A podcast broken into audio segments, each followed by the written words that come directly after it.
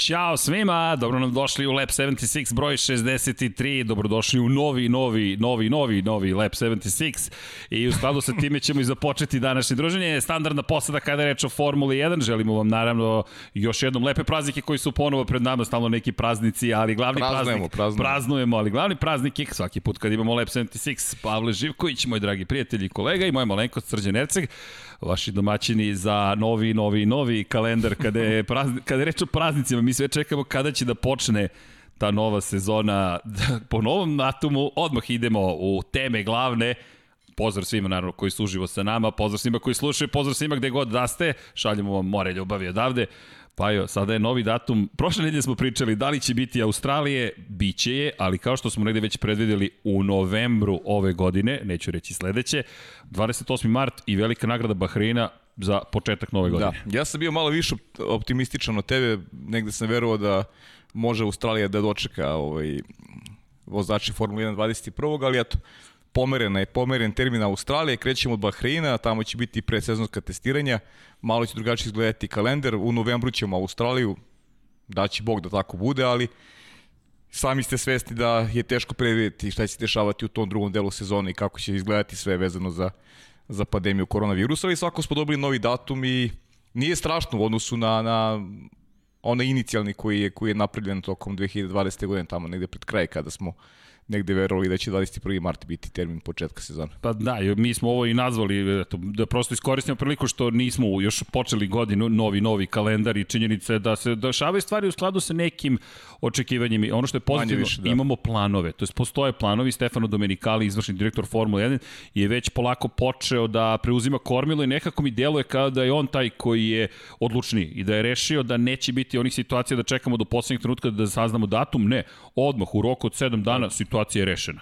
Pa, očekujemo tako nešto od Stefana koji je neko ima onako direktniju vezu sa Formula 1 nego što ima njegov prethodnik Chase Carey, tako da bitno je samo da se da se vozi, da se da se da sezona uđe u neki neki normalan proces a i da život u stvari uđe pre svega u normalni proces, pa lako ćemo ovaj za, za kalendar i nije mnogo bitno što se trke pomeraju, bitno je da se održe i da dobijemo pun fond trka. Pa no, prema ovome kako sada stvari stoje i vidjet ćete novi kalendar. Novi, novi kalendar. Novi, novi. Pa, pa da, jednostavno ne znamo da li je ovo konačni kalendar. Ono što je tu važno napomenuti u celoj priči jeste da je Bahrein taj koji, pored onoga što smo očekivali, jeste prva trka, međutim je uvod zapravo u sezonu koja će biti nastavljena u Italiji. E, to je nešto što smo spekulisali da bi moglo da se da. desi. Da. Kina je i dalje vrlo zatvorena i kada je reč o dešavanjima u Šangaju generalno u Republici Kini, govorimo o tome da će biti gotovo nemoguće organizovati stvari prema nekim standardnim planovima. To se i desilo. Za sada 18. april stoji potvrđeno velika nagrada Italije, to jest Italija, sad koja će biti velika nagrada vidjet ćemo, ali svakako idemo u Imolu i pričali smo prošle godine koliko se radujemo tim nekim stazama koji su nestali iz kalendara i evo poklon Deda ali, Mraza. Sveći da smo pričali da, da je veliko pitanje da li će nestati u 2021. godini, da, da je vrlo moguće da će oživeti i ponovo biti u kalendaru, pa što se tiče Imole, naravno da se svi zajedno radujemo. Imaćemo priliku iznova da gledamo uh, trku na, na legendarnoj pisti.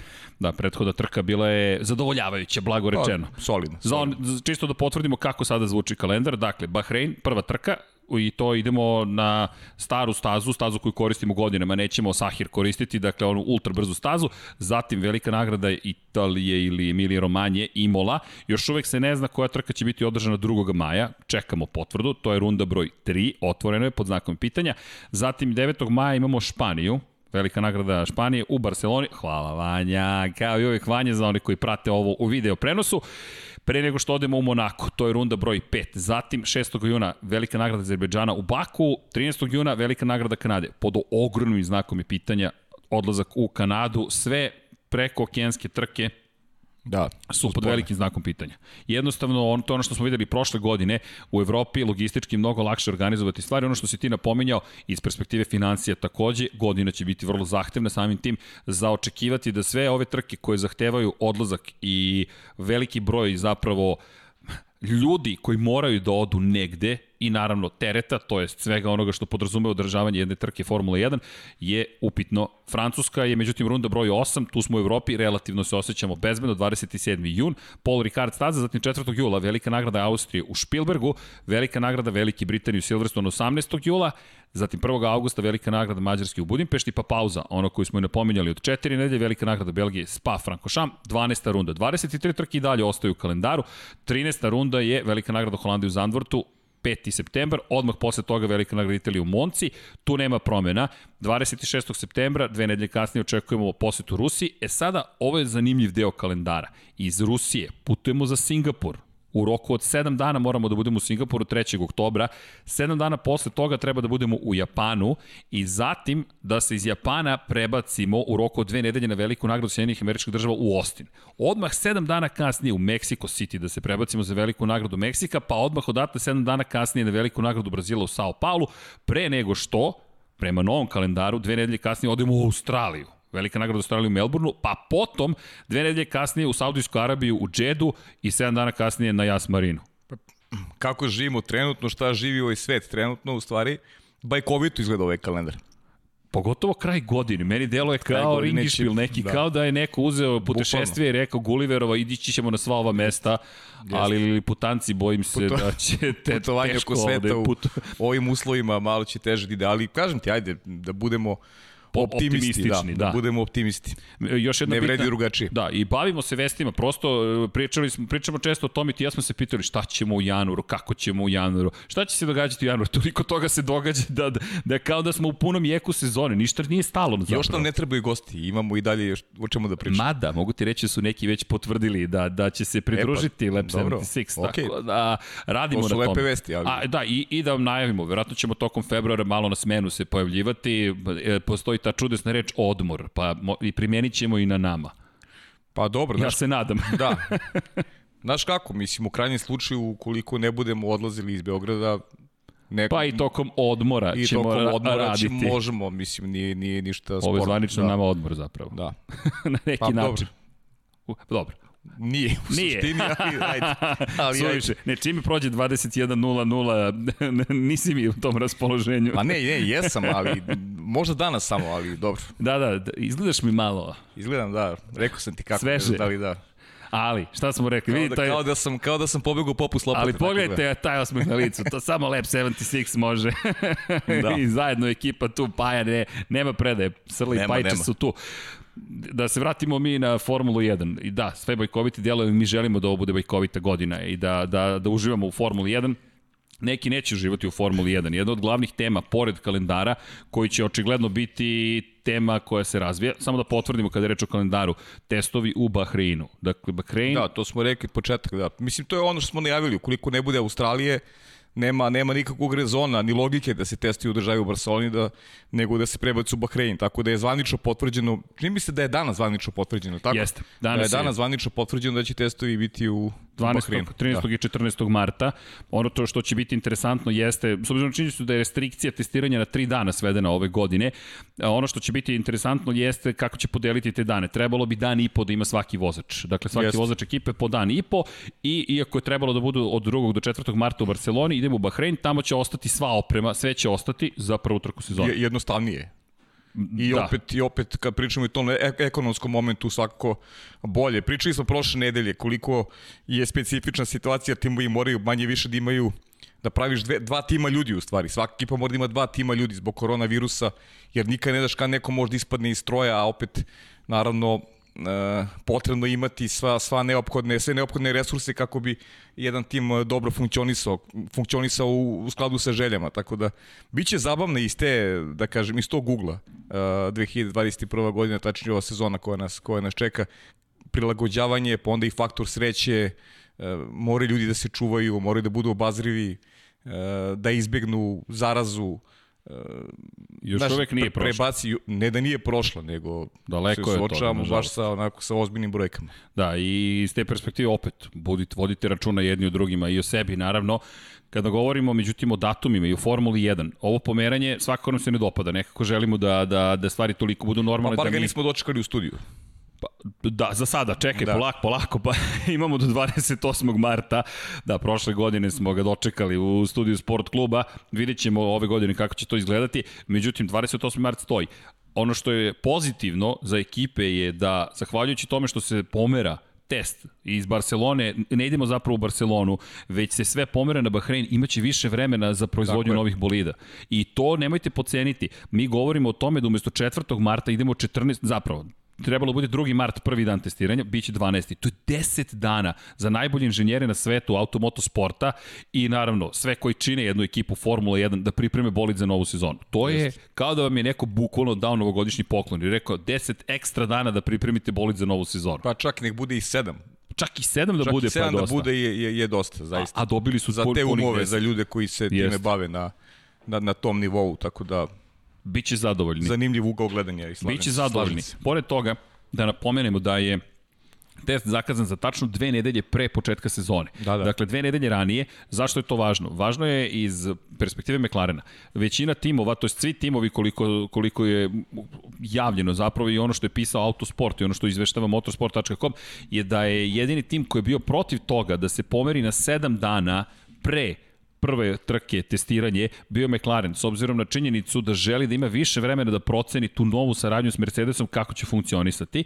I još jedna važna napomena, Međunarodna automobilska federacija FIA bi morala da promeni sportski pravilnik da bi omogućila testiranje 7 dana pre trke. Po pravilniku mora da prođe najmanje 10 dana od testa na određenoj stazi pre nego što možete se pojaviti na trci na toj stazi. I to je tačno ta nedelja. Završava se 10 dana kada prođe, dolazimo do četvrtka, pa počinje onaj standardni deo medijske konferencije, petak prvi, prvi treninzi, ponapomenut ćemo još jednom, skraćeni ove godine. Tako je, pa ne. Treninzi 1 i 2. Da, na šta još u suštini? Ti, ti imaš u Bahreinu u stvari prvi trening. Zapravo da, imaš već prvi... Imaš prvi trening. Ti već možeš da zaista neki mozaik da praviš šta ko može u 2021. godini. I zato će biti vrlo interesantne Jeste. ta, ta presezonska testiranja. Mislim uh, da će imati najveći značaj u odnosu na, na, na minule godine kada smo mogli da naslutimo, ali ne, ne da spoznamo onako u punoj meri šta nas čeka kada govorimo o šansama ekipa u, u, u određenoj sezoni, a sada, sada će stvari biti popuno drugačije. I, jer, jer nema tu mnogo prostora za, za neki manevar, znaš, ti tu moraš da budeš, da prosto uh, i vozač i mašina da, da, da stave do znanja koliko, koliko mogu prosto, znaš, šta je urađeno u, u tokom, tokom, uh, tih pred, tokom uh, međusezone. Tako da ćemo imati pravu sliku onoga što nas čeka dve nedelje kasnije. Da, to, to si lepo rekao, pogotovo što imaš manje vremena u petak, dakle ne trebaju više po jedan i po sat prvi trening, pa Tako pa drugi je. trening, nemaš 3 sata na stazi, sad imaš 2 sata na stazi, a dve nedelje ranije si na toj istoj pisti. Da, mislim da si u pravu da će, da će dati sve od sebe, pri čemu Bahrein, kao što smo već napomenuli par puta i u prethodnim Lab 76, a to je da si ti već bio na toj stazi i da ćemo imati situaciju u kojoj poslednje četiri trke, u poslednje četiri trke tri su će biti održane zapravo na istoj stazi vrlo dobro poznaješ sada situaciju i ono što je dobro iz te perspektive jeste što ćemo eto možda imati veću izjednačenost ili se makar mi nadamo da će biti pa, veći. Nadamo se, da. Držimo, držimo nekako palčeve. Kada pričamo o izjednačenosti, kada pričamo o tim našim nadanjima da bi stvari mogle da izgledaju malo drugačije, uh -huh. jedna od glavnih tema jeste tema koja je otvorena prošle nedelje u Lab 76, zapravo broj 62, tokom samog snimanja, morali smo da snimamo, nismo mogli da radimo direktno, imate veliki pozdrav od Deke Potkonja Aleksandra Đankića. Inače, sad, mo, sad najzad mogu to da potvrdim, sutra u studiju gospodin Đankić će biti prisutan Opa. uživo, izašao iz karantina, ima gips na ruci, ali bez obzira na sve, ušao je u studiju, snima neku novu muziku, promovisat ćemo tu celu priču. Opa, tako znači je. aktivan je, aktivirao Vrlo, se skroz. Tako je, aktivirao se skroz, tako da jedno čekam da ga vidimo. Deki, nažalost, neće biti tu, ali Deki ima neke svoje obaveze, tako da će biti gospodin Đankić, a nadam se da ćemo spojiti sve nas u jednom momentu, ali idemo jedno po jedno. To za ono, za onih 37 sati. Tako je, tako je, za 37 sati. Danas sam baš pričao o tom i rekao što ljudi stani, nemoj, nemoj stani, nemoj sad idemo tamo i pričamo o nečem drugom.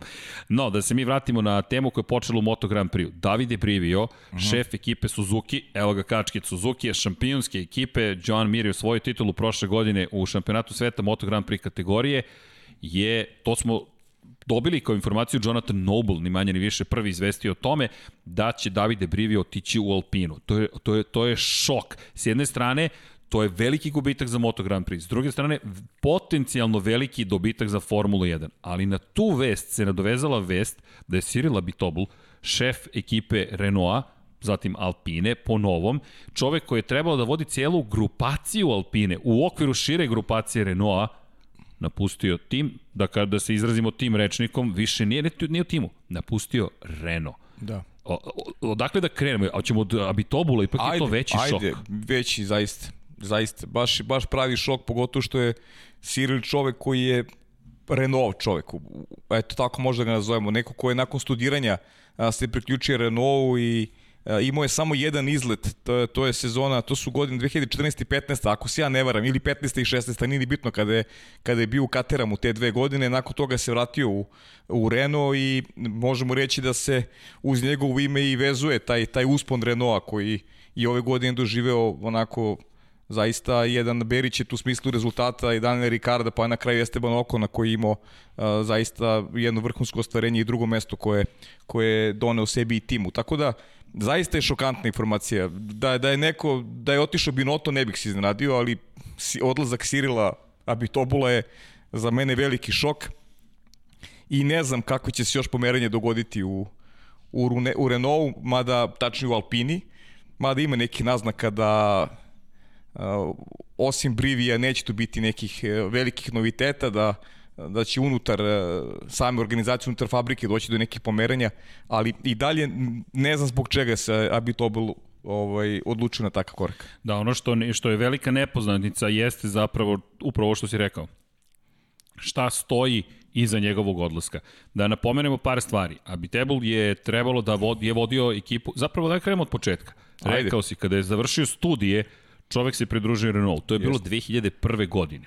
Pridružio se najpre bio čovek koji je bio zadužen za website, korporativni website Renault, koliko to možda čudno zvučalo, ali tu je počeo u digitalu, to tad se nije ni zvalo digital, nego eto, neki web sajt postoji, dobio je svoju priliku u okviru ekipe Formule 1, 2012. kao što si rekao, otišao je li, e, sam Renault je... Je li 12. bilo? Znači, ja 2002, malo... Ne, 2012. je on zapravo napustio, da kažemo zajedno sa svima je prestao da bude teo te ekipe, ali Abitebul je posle toga otišao na poziciju koju je zauzimao Toni Fernandez i 8. novembra je 2012. dobio tu ulogu, međutim u julu 2014. godinu i po kasnije Abitebol je napustio i tu poziciju i dobili smo priliku da ga vidimo kako upravlja Renault.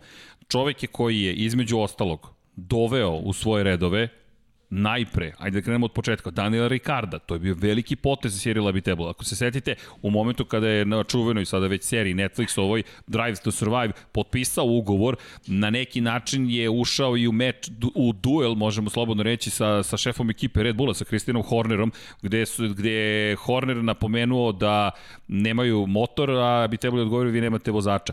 I tako, Abiteboul da. je ušao u tu priču, ali je doveo Ricarda, zatim ga izgubio prošle godine i jednu trutku su se pitali šta će biti sa Bitebulom.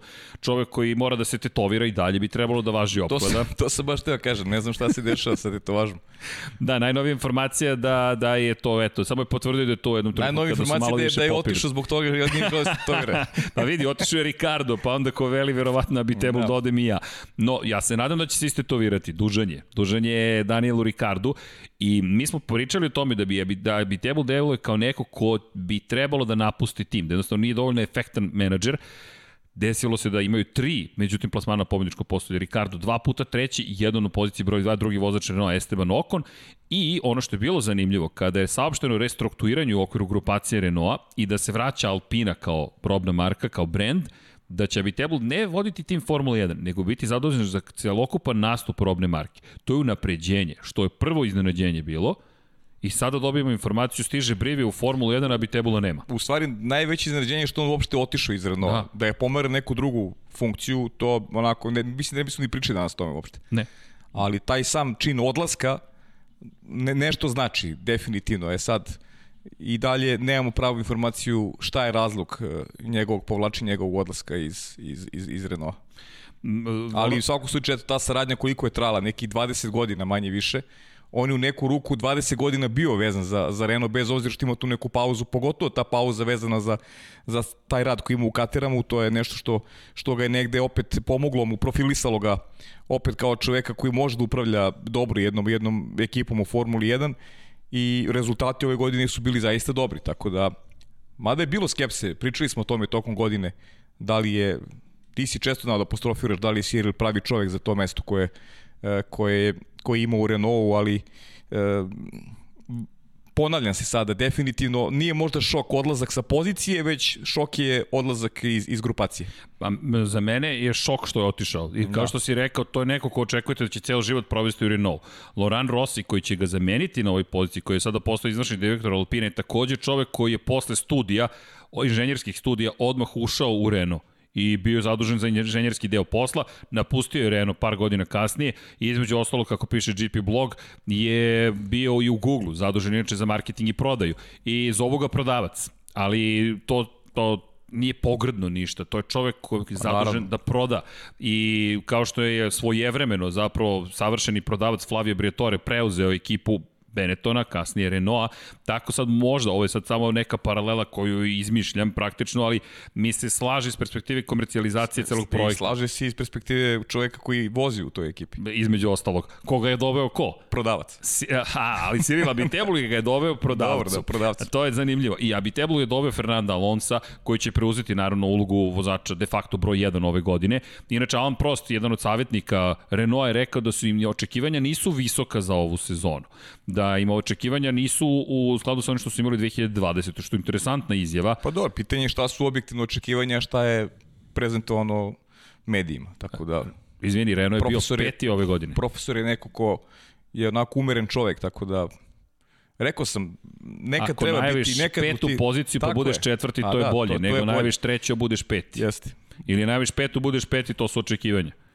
Renault i nije u mogućnosti da ima te naglašene visoke ambicije. Znaš, nisu i dalje ekipa koja je profilisana jasno da da može da da doseže u, u kontinuitetu do tih e, podijumskih pozicija, što je, verujem, neki cilj u, u bliskoj budućnosti. Stoga i te, ta najava Alana Prosta treba uzeti sa zadrškom, definitivno.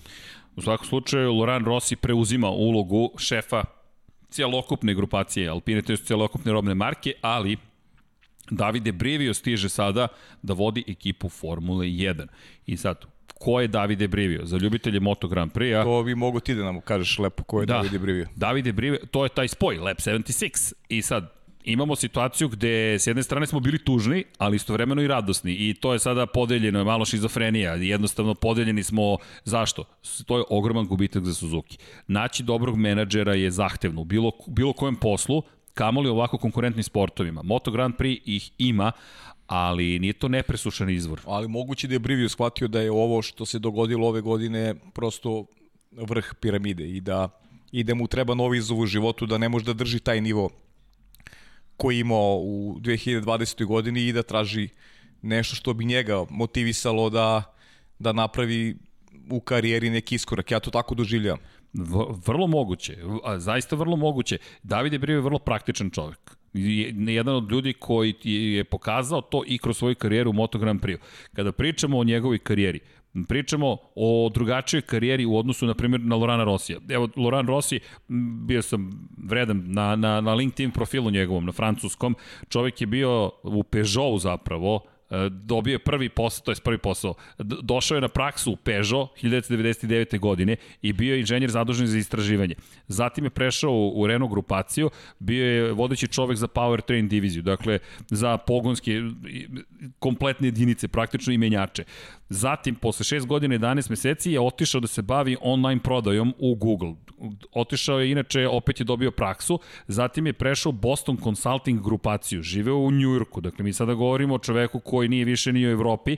Zatim odlazi da bude industry manager. Oni koji su radili sa, sa Google-om, verujem da znaju čemu se radi. Zadužen je za zapravo kompanije koje se oglašavaju na Google-u. Zatim je postao biznis menadžer za globalne naloge i neko ko se bavio vertikalom automobila šta je vertikala automobila, to vam je praktično privredna grana gde to se samo obeležava kod Google kao vertikala, gde se opet vratio, verujem, verujem staroj ljubavi, a to su automobili, gde vodite računa zapravo oglašivačima iz te grupacije. Posle 5 godina i 6 meseci vratio se u grupaciju, bio je potpredsednik za stratešku organizaciju, zatim je preuzeo da bude glavni strateški, e, šta bi to bio, direktor za strategiju, Chief Strategy Officer, vratio se u Francusku, u Pariz i evo sada je preuzeo Alpinu.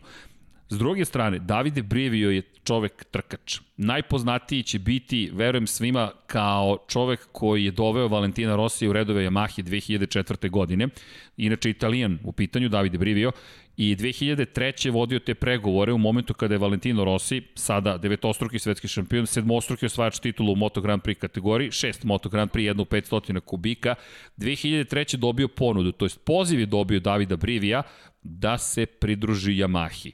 Honda je u tom trenutku na vrhu sveta, Brivio zajedno sa Linom Jarvisom predvodi Yamahu, s druge strane žele da dobiju čoveka koji je zvezda, najveća zvezda ubedljivo. Od tom momentu Yamaha nema pobedu od 2002. godine, Brivio uspeva da nagovori prvo Rosija da se sastanu, Najpre, da, najpre su na Ibici imali sastanak, zatim su imali susret prvi sa Yamahom u Brnu, gde Rossi prvi put seda na Yamahu, to je pod okriljem noći u garaži Yamahe, potpuni prekršaj ugovora. On Hondin vozač ulazi u Yamahinu garažu, seda na Yamahu i, i posle toga se javlja, kaže, mislim da ovaj motor ima potencijal. Brivio ga dovodi, osvajaju titule zajedno 2004. 2005. Šeste Niki Hayden osvaja titulu, sedme Casey Stoner osvaja titulu, Brivio i Rossi se vraćaju na vrh zajedno sa Jarvisom i ostatkom ekipe, ne treba zaboraviti ni Masava Furusavu.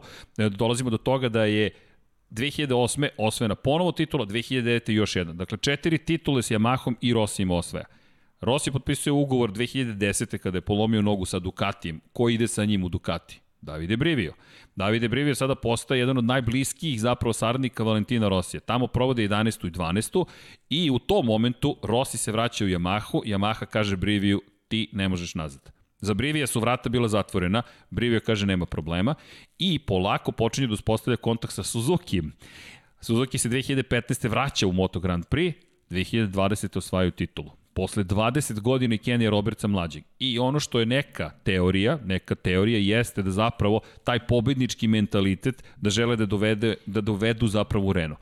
Ono što je velika veština bila Brivija jeste da uspe da održi primirje između vozača. U momentima kada, su, kada je bio Yamahi, to je bio Colin Edwards sa Valentinom Rossijem, tu problemi nisu postojali. Međutim, Yamaha je dovela Jorge Lorenza. Lorenzo Rossi, to je era kojom je upravljao Brivio u tom momentu i kasnije je upravljao ponovo zapravo jednim, neću reći e, problematičnim duetom, oni nisu bili toliko problematični, Aleš Espargaro i Maverick Vinales. Inače, on doveo Mavericka Vinalesa iz Moto2 klase u Suzuki, i to posle jedne godine u Moto dvojkama, a zatim je doveo u Moto Grand Prix kategoriju Joana Mira. Mir, Alex Rins nemaju najbliskiji odnos, ali nema rata u ekipi. I oni su zajedno osvojili ove godine titulu, osvojili su ekipnu titulu, nisu u konkurenciji konstruktora, Ducati osvojili su konkurenciji konstruktora, tripla kruna ma, za malo izbegla, ali osvojio sa Mirom i mislim da si ti u pravu da je ovo i novi izazov. Jer vidi, osvojio si sa Rosijem titule, osvojio si sada sa Suzukijem, osvojio si sa Mirom, sa, sa, sa Klincem jednim, Šta je, šta je sledeći tvoj korak? Ok, odbranit ćeš titula, to si već postigao. Bio si u Ducatiju i zamisli dođe ti na vrata Renault, Formula 1. Bez obzira koliko god mi volili MotoGP, kada govorimo o reputaciji, a i novcu, tako je. Stratosfera.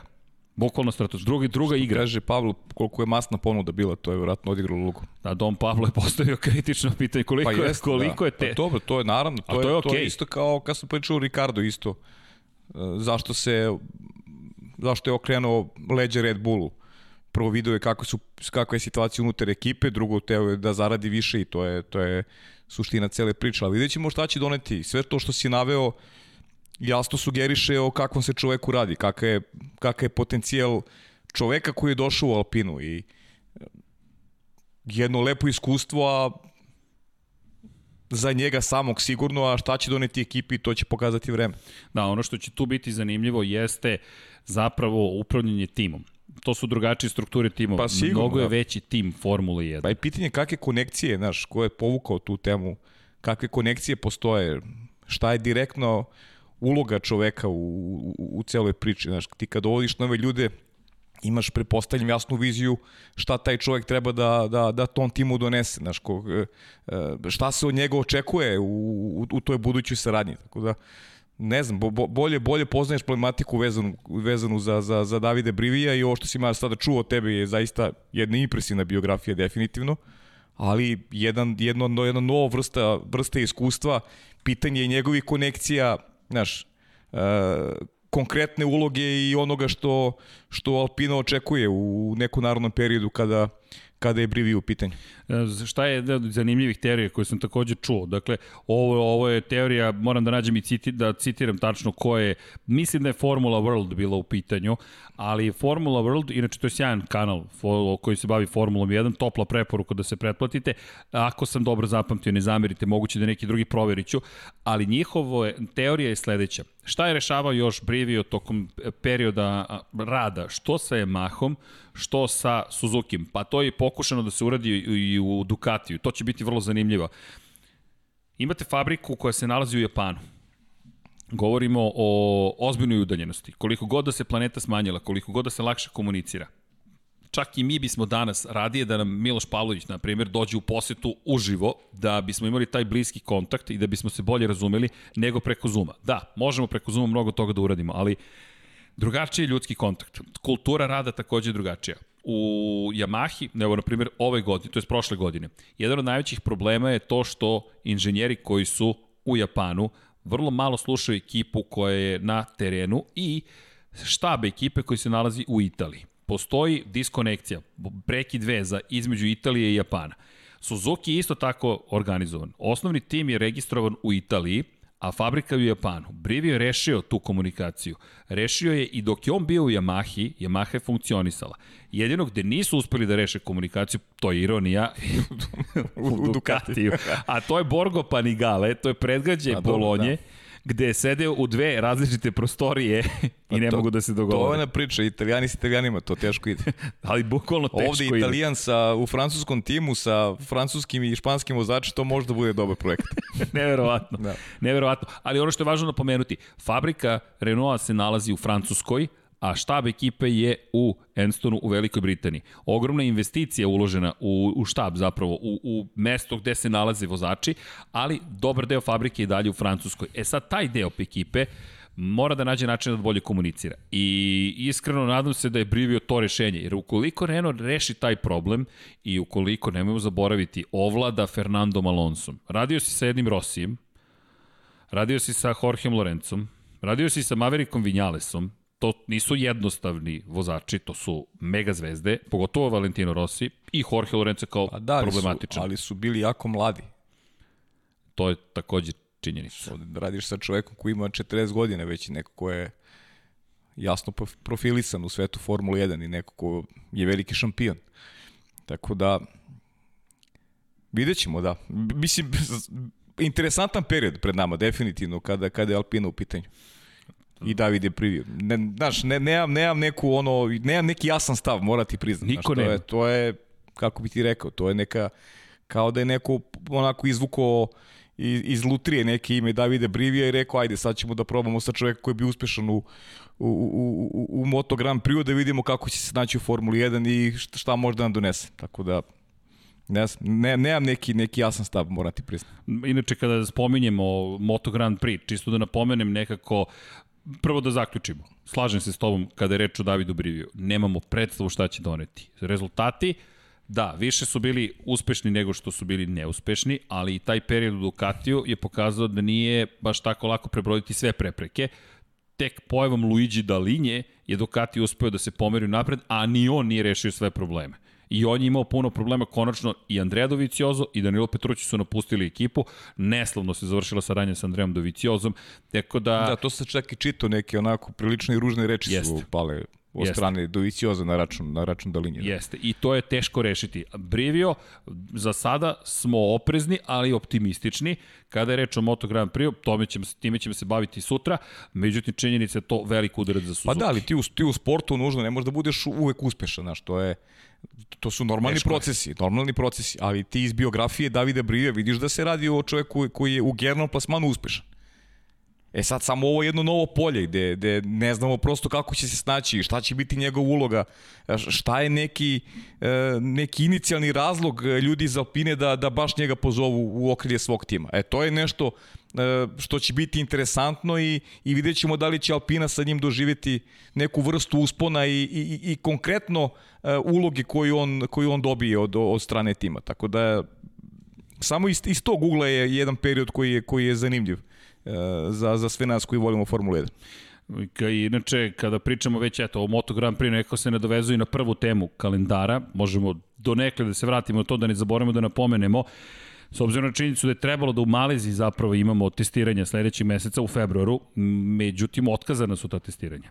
I plan jeste bio da imamo dva puta trodnevna, trodnevna testiranja u Maleziji na stazi konkretno Sepang, zatim u Kataru da imamo od 10. do 12. marta, čak smo je trebalo da imamo i shakedown takozvani test. Međutim, Malezijske vlasti radili su dosta na tome da nađu načina da, da tu biosferu formiraju kakva je u Formuli 1 i da dođu zaštićeni, dođu do staze, budu zatvoreni i tamo ostanu. Međutim, otkazani su testovi i to je Moto Grand Prix potvrdio opet nadovemo se na onu priču o tome da li bajkovito deluje kalendar. Svakako deluje bajkovito kalendar da ćemo imati mogućnost da odemo baš sva na, na sva mesta koja želimo. I da napomenemo kada je reč o kalendaru imamo još jedan problem, to nismo istakli, a trebalo bi, a to je da je zapravo lokalni sudija u Sao Paulu za sada suspendovao ugovor između promotera trke u Brazilu i Formule 1 nizak nivo, pazi sad ovo, transparentnosti i korišćenja javnih fondova u obezbeđivanju ugovora je doveo do toga da sudija obustavi za sada, to je suspenduje taj ugovor. Tako da još uvek ne znamo šta će biti sa trkom čak ni u Brazilu. Čisto da zabava bude kompletna. Pa suštinski mi mnogo toga ne znamo. Imamo nešto što je slovo na papiru samo, a praksa i život nam nude nešto potpuno drugo već iz dana u dan, s obzirom na situaciju koju, koju svi prolazimo, ne samo kada je Formula 1 u pitanju, kako pogledate sve ostale sportove koje eto konkretno možete pratiti na, na programima sport kluba, realno otkazivanja su gotovo svakodnevna i pomeranja i e, momenti koji utiču u neku ruku i na regularnost, ali prosto tako je kako je i prilagođavamo se momentu u kome živimo, nema, nema drugi. Da, nema druge, nam ostaje da pratimo, da pratimo sve što se događa, zato i jesmo tu i neverovatno je koliko se vraćamo na kalendar. Da man pomisliš, rešili smo jednu stvar. Da, ubeđe se da ćemo prepreku. sledećeg utorka ponovo pričati nešto vezano za kalendar. Pa vrlo verovatno. Vrlo verovatno, evo, šta god da imamo ne, pazi, opisano. mi smo već, evo, sredina januara. Sledećeg utorka mi smo sredina januara. Ne, ušli smo u drugu polovinu januara. U, u, 19. januara se vidimo sledeći put. A, znači druga polovina januara. januara. Ističe vreme. Bukvalno nam ističe vreme. Da. A pripreme se stalno pomeraju stalno se menja i stalno dolazimo u situaciju da ne znamo zapravo kako će izgledati kalendar, niti šta nas zapravo čeka. Jeste. Dobro, imamo makar dosta tema. Vidi, imamo dosta tema. Jedna od većih tema je i treća najveća tema. To ne znači da će, se nećemo vratiti na drugi. Imamo mi još ovde dosta stvari koje smo pripremili, ali kada govorimo o važnosti tema, Lewis Hamilton još uvek nema ugovor sa Mercedesom. Da. I priča se da se situacija zakomplikovala dodatno, to je da pregovori uopšte ne idu tako glatko. Jeste. Danas je 12. januar. Lepo, pre, prošli put smo rekli, evo ušli smo u novu godinu, pa nekako praznično raspoloženje, možda praznici, pa neka, pa ne, prođi 7 dana, I dalje stoji ista priča. Mercedes traži da ne bude toliko plaćen Lewis Hamilton u ovoj kritičnoj, u kriznoj situaciji. S druge strane, traži da se potpiše navodno prema nekim pisanjima samo jednogodišnji ugovor da. kako bi ostalo najnovije da su najnovije informacije kako bi ostala otvorena vrata za 2000 za pregovor za 2022. godinu zvanično I prošli put Vanja, izvini, tokom samog podcasta Vanja nam je pisao, nisam ja video poruku na vreme, da je Hamilton skinuo sa svih društvenih mreža potpis bilo kakav sa Mercedesom. Pa dobro, on, on zvanično... I ne radi za Mercedes. I ne radi za Mercedes, da nema ugovor. Da ga da. pozovemo i pitamo da li bi bio stručni konsultant Lab 76, vidimo da si, da si trenutno bez angažmana. Ali znaš šta, ja, ja, ja mogu sad samo da se ponovim, znaš, ne, ne, nemam šta da kažem novo vezano za tu temu. Ja i dalje mislim isto. Bez obzira što se pomera rok u tačnije nije potpisao novi ugovor. Ja mislim da će potpisati. Ja mislim da će ostati. Bez obzira što je Toto Wolf rekao da se Mercedes u neku ruku sprema i za eru posle Luisa Hamiltona. Dakle, e, da razmišljaju o tome e, šta uraditi ukoliko Luis te potpiše ugovor. Ja verujem da će to da se dogodi. Zaista mislim da će to da se dogodi, da, da prosto Luis neće sebi da dozvoli da propusti šansu da e, ima mogućnost da osvoji još jednu šampionsku titulu i da bude najbolji svih vremena. Prosto, prosto tako razmišljam sad. Da li Zašto sam bi... na pravom putu, ne znam. Možda... Zašto bi propustio tu priliku? Tako je. Tako je. Šta može gledam, da te spreči? U tom, gledam u tom sportskom smislu. Njega realno 2021. godine teško da neko može da ustavi do, do, na putu do osmi titula. I to je taj sad sportski motiv koji treba da bude primaran u odnosu na, na novac. On nema problem sa novcem. On nije u poziciji Ricarda kad je odlazio iz, iz Red Bulla da mu je novac, da mu je novac opcija broj 1. E sad tu se onako tvrdi pazar, Mercedes želi da spusti cifru, Luis želi da je podigne i mislim da se tvrdi Pazir da će na kraju dve strane da su saglase da će ostati jer mislim da su neophodni je, je, znaš, da je to kako bih ti rekao dobitni spoj. Mercedesu znači Hamilton i obrnuto i dalje su potrebni jedno drugo. Pa da, često se pocenjuje ta veza između vozača i, i, i, i ekipe. Pa, Jedna od tih veza koja, koju su stvorili i koja je toliko moćna. Malo pre si rekao, ne možeš stalno da pobeđuješ. Veruj mi, u glavi mi je bila rečenica možeš ako si Mercedes. Jeste. Ali pazi da ti kažem, na, na, znaš kako, uh, pričali smo o tome, nikako ne pocenjujemo, ne pocenjujemo Luisa, ne pada na napamet. Ima vozača koji, koji su mogli da, da naprave e, verujem i slične rezultate koje, koje je napravio Luis za sve ove godine u Mercedesu, ali Luis je, je tu ponudu prihvatio, nije mnogo razmišljao u trenucima kada je Mercedes nije bio veliki, kada je Mercedes pokušao da se e, onako da uspostavi neku, neku, neki balans sa najboljim timom u Formula 1, Luis je tada zagrizao jabuku i e, došao pod okrilje nemačkog tima. I neko su postali dobar tim. I mislim da taj tim koji dobija, nema potrebe da se rastura. Ali je e, Luis taj koji treba da, da spusti ručno. Tako gledam trenutno. On je taj koji kome sportski motiv treba i da treba da bude presudan u ovom momentu jer ima jer ima tu moć u automobilu da, da postavi i da pomeri neke granice i da, i da se onako osamostali na, na, na vrhu najboljih svih vremena. Da, i ono što je problematična pozicija Luisa Hamiltona i zašto mislim da će teško dobiti bilo šta dalje, jeste kompletna situacija u kojoj se svi zajedno nalazimo. Globalno gledano, nalazi se u grupi redkih ljudi koji su potpuno zaštićeni, ako pričamo o materijalnom stanju, jest, i u jest. grupi je možda jednog procenta ljudi na ovoj planeti i iz te perspektive deluje u ovom momentu ne mogu da kažem, gotovo je cinično, imaš sve, situacija nije dobra. Pružati se prilika da budeš deo istorije na jedan jedinstven način. Dakle, ne da izjednačiš, već izjednačio neke stvari, neke si već prevazišao I odjednom sada pričamo samo o novcu. Hajde da se zaustavimo na sekund. Napravite strukturu budžeta. Ako se privreda oporavi za 3 do 5 godina, platit će ti retroaktivno. Ako se oporavi, nikom ništa. Postoji milion načina da se to reši. Meni je to problematično mi je. I žao mi je što smo došli u situaciju da pričamo o ovome. Mislim da može samo Hamilton da može bolje od toga. Da prosto i, i, i treba da pokaže više od toga. Ovo je moment kad treba pokažeš i taj šamp, tu šampionsku crtu, da kažeš, ej čekaj, stani. Situacija oko mene nije dobra. Nije Tako dobra. Je. Jer mi stalno pričamo o humanizmu. Pa pogotovo on je taj koji stalno potencira na tome kako situacija u svetu nije dobra, stalno je u nekim akcijama, pa pokaže na ličnom primjeru da si svestan da situacija nije dobra. To je najteže. Pravilo uvek ličnom, važe za drugi. Tako je, pokaže na ličnom primjeru da situacija nije dobra. Jer Pravila uvek... imaš šansu da pokažeš na ličnom primjeru. Da. Vidjet ćemo. To je to. Mi, čini mi se da sad nije trenutak za tu vrstu pregovora. Sačekaj, osvoji osmu titulu, lako će posle doći ne, pazi, stvari. iz, njegove, iz njegovog ugla možda i jeste. Možda i jeste. Naš u kojoj meri? Da neko drugi ko želi da ima uh, svetskog šampiona i sedmostrukog prvaka da, da odriši kesu i da kaže ok, meni taj brend je Ali... neophodan, a ko je to? Znaš, ko, ko je to? Pa, u, u, u ovoj poziciji, u ovoj raspodeli trenutno... U ovom trenutku, ja ne vidim ni jednu ekipu. Konačno, nemaš nemaš bukvalno, apsolutno u ovom momentu nemaš mogućnost da pa nađeš drugo mesto. Nema, pa nema. Jedino mesto koje je otvoreno, to smo već rekli. Možeš Williams. da se zameniš sa Georgeom Russellom u Williamsu i to je to. To je to. Williams baš i ne može da ga priušti u ovom trenutku. Budimo realni, Williams jedva preživljava, Williams je sada prešao u stratešku saradnju. Pa pričamo hipotetički, kažem, da. ne, nije, ali nije to je velika realno, tema. Vidi, kad smo poslednji put imali situaciju ovde, se vraćamo u period Ayrtona Sene i njegovih čuvenih pregovora sa McLarenom, da zapravo od trke do trke potpisuje ugovor i Ayrton Sene je bio plaćen u McLarenu, po trci milion dolara. E, znaš šta se postoje kao opcija? Kako razmišlja generalno Luis u, u nekom drugom smeru? Da li je možda Luis postavio te zahteve uh, u, u cilju ok, ako mi ne ispunite, ja sam spreman i za penziju. Wow, zamisli, ja sam, zamisli tu situaciju. Ja sam, ura, ja sam uradio ono što sam hteo, postavio sam visoke zahteve, ako mi ispunite, ja ću da vozim, ako mi ne ispunite, ja oduh u penziju, spreman sam za to.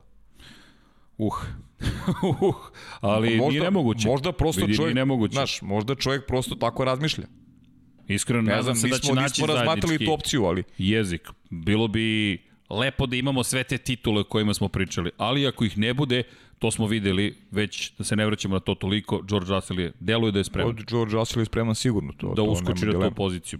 Pratimo, situacija koju, koju ćemo svakako da pratimo, međutim te saradnje nisu tako jednostavne, jer bez obzira što jednu trku imao dobro George Russell, treba uspostaviti sve ono ostalo što, što prati tim. To je ono što, to je ono što sam teo da kažem. E, naslutili smo, tači videli smo da mogu i drugi vozači da budu dominantni s tim Mercedesom. Ali pitanje je koliko njih može u kontinuitetu da pravi tako dobre rezultate kao što je pravio Luis. A to, to se možemo da se osvrnemo i Daniela Ricarda. Ricardo i povodom cele priče o Renault i Abitebulu je neko ko je rekao da je atmosfera koju je zatekao u Enstonu kada je stigao u Renault bila puna sumnje u same sebe i da je to bila jedna vrlo povučena, rezervisana ekipa i da je to promenio. I to smo videli da je Ricardo zaista doneo, da je u početku bilo teško, da nisu bili zadovoljni tom saradnjom u prvoj godini, međutim u drugoj sezoni da su stvari krenule u tu pravom smeru, da su poleteli zajedno, da su uzleteli. Šteta možda za njih jeste što je pre nego što je počela sezona zapravo potpisao ugovor s McLarenom. Nije loše to za Daniela Ricarda. Međutim, opet no. treba napomenuti koliko je Ricardo zaista promenio te ekipu. Sad uz Brivije, ukoliko Brivije zaista korak u napred i sve ono što se događa, Renault deluje kao da je na dugi staze prisutan i, i, i, i to su ti važni momenti za koje mi ne znamo. Ne znamo kako je Lewis Hamilton uticao interno. Mi i toliko su impresivni rezultati da više ne znamo ko je tu zaslužni. Uticao je sigurno. sigurno, da. samo ne znamo koliko. Tako je. Tako je to veliki test i za jedne za druge, ali te tema koju svakako pratimo i kada pričamo već o McLarenu, da napomenem jednu važnu stvar, a to je Carlos Sainz, Carlos Sainz koji inače, ako se ne varam, tražio je Ferrari dodatno vreme Tako za je, da. testiranje. Pričali smo tome pre početka, jeste dodatno vreme za Sainzovo testiranje. Pa, mislim, ono, sprema se i Ferrari, naravno, sprema se i Sainz za, za novu sezonu. Jedva čekamo da vidimo i taj, tu kakav će biti odnos snaga. Trljam ruke. Claire Sainz, da. Pa isto, Evo, da. Trljam pa, ruke. Isto, isto. To je naš duel. Naš duel, da. Naš duel, to, to, to ćemo vidjeti. E, znaš šta mi pada na pamet? E, i, I pritom, nije to toliko duel uh, o tome ko je bolji vozač, nego je više duel oko toga ko će imati podršku. U stvari, ono što ja zastupam da će, da će Leclerc imati uh, veliku podršku un, unutar garaža. Prošle nedelje sam preporučio knjigu, knjigu zapravo, ako, ako niste čitali obavezno, velika knjiga Ambera i to su prinčevi Ambera. Mene ovo podsjeća na prinčeve. Znaš, situacija u kojoj tražimo tron. I imaš dva princa i sad čija armija će biti zapravo jača, sposobnija, kompletnija. Ne znači uvijek da pobeđuje veća armija, ali to ono što si ti rekao, ko ima veći uticaj, ko iza koga stoji, ko će bolje da lobira i na taj način mislim da će se doći do toga ko će biti perjanice zapravo Ferrarije. Tako da to je interesantna jedna i zaista zanimljiva bitka lobija u okviru Ferrarija. Ne kažem da to pomaže Ferrariju, ali zanimljivo pratiti sa strane. I malo pre sam da kažem, a bi Tebli ostao bez posla. Brivio stiže, Kada pričamo o šefovima ekipa, ostaje to pitanje Matije Binota. Ne kažem da, da, da treba otpustiti Matiju Binota, da ne bude svaki put Lab 76 kada radimo da to spomene. Samo da verujem da je to poruka i drugim šefovima timova i test konačno. Da li možeš da uzmeš od neku drugde, jer ne zaboravimo, Jean Todt nije odrastao, uslovno rečeno, u Formuli 1. On je stasao u, re, u reliju. Iz relija je zapravo doveden u Ferrari. Meni ovo deluje kao ta vrsta pokušaja. Imaš čoveka trkača, jer šta je Ferrari radio prethodnih godina? Uglavnom je angažavao ljudi iz Philip Morrisa, iz duvanske industrije, nije angažavao iz trkačke industrije. Sada su postavili na šefa cele grupacije, za šefa cele grupacije, na poziciju šefa, čoveka, Rosija, koji će biti Lorana Rosija, koji će voditi biznis deo priče. Međutim, trkački tim dovodiš trkača, nekoga ko živi benzin. I to ono što, me, što mi je zanimljivo, da li će ovo biti i za druge šefove ekipa da kažu, aha, vidi, da li možemo sada da dovedemo nekoga, ne znam, iz Relija, iz MotoGP-a, to, to je zastrašujuće za druge vidove discipline i sport. Jer pogledamo koga je McLaren doveo. Doveo je čoveka koji je predvodio Porsche ni manje više do titula u svetskom šampionatu izdržljivosti. I kao da je Formula 1 u toj uh, suši koja je nastupila u stvaranju velikih menadžera rešila, ok, da vidimo sa strane ko je ovde uspešan i ajde da pokušamo da počnemo da ih dovodimo. To mi, prosto mi tako Ima delo. Jer Andreas Zajdl je preuredio McLaren. Jest. I McLaren, da se nadovežemo na Sajca, je dobio veliku potvrdu. Rekao je Sainz da se tim mnogo promenio isto kao Renault što se promenio. To je sve pozitivno za nas. McLaren je bio treći prošle godine u šampionatu konstruktora, četvrta pozicija u Pepper Racing Pointu, koji je postao Aston Martin, za koga svi, sve veće očekivanje svi imamo, i Renault koji se sad, vidjet ćemo, pretpostavljam, pojačao. Dobro, hijerarhija se neka nije promenila u smislu onoga što se traži od vozača u McLarenu, to je ono što smo pričali stalno Jeste. i ono što je dobro i, i lepo se pogodilo. A dobro, to, to je opet stvar odabira. Uvijek su ti, e, ti izbori su vrlo važni. Da, da negde uporiš momke koji mogu i da se, da se slože oko zajedničkog cilja. Znaš, da ne budu, da ne budu rivali po svaku, da budu rivali, ali da ne budu neprijatelji. Znaš, to je, to je jako bitna stavka i tu se negde u McLarenu po, po, poklopilo, poklopilo jako dobro. Složili su se kockice na pravi način. Znaš na što me to uh, asocira? Kao da smer treba da im bude idemo u istom, uslovno rečeno istom smeru. U jednom momentu će doći do sukoba, ali ne mora sad da dođe. Ajmo da se podesimo ovako, pa jednoga dana kad cijelu ekipu podignemo na neki nivo, srešćemo se. Tako je, pa da. Jer imaju zajednički cilj. Imaju zajednički cilj, da. Da. Imaju zajednički cilj i radili su ga u McLarenu na pravi način. To je, e, e, zato je sada bitno da vidimo kako će izgledati i, i taj Ferrari. Jer Ferrari prvi put ima tu vrstu projekta, dva mlada vozača. Dva mlada vozača. Ali da vidimo kako će izgledati ta hijerarhija unutar ekipe.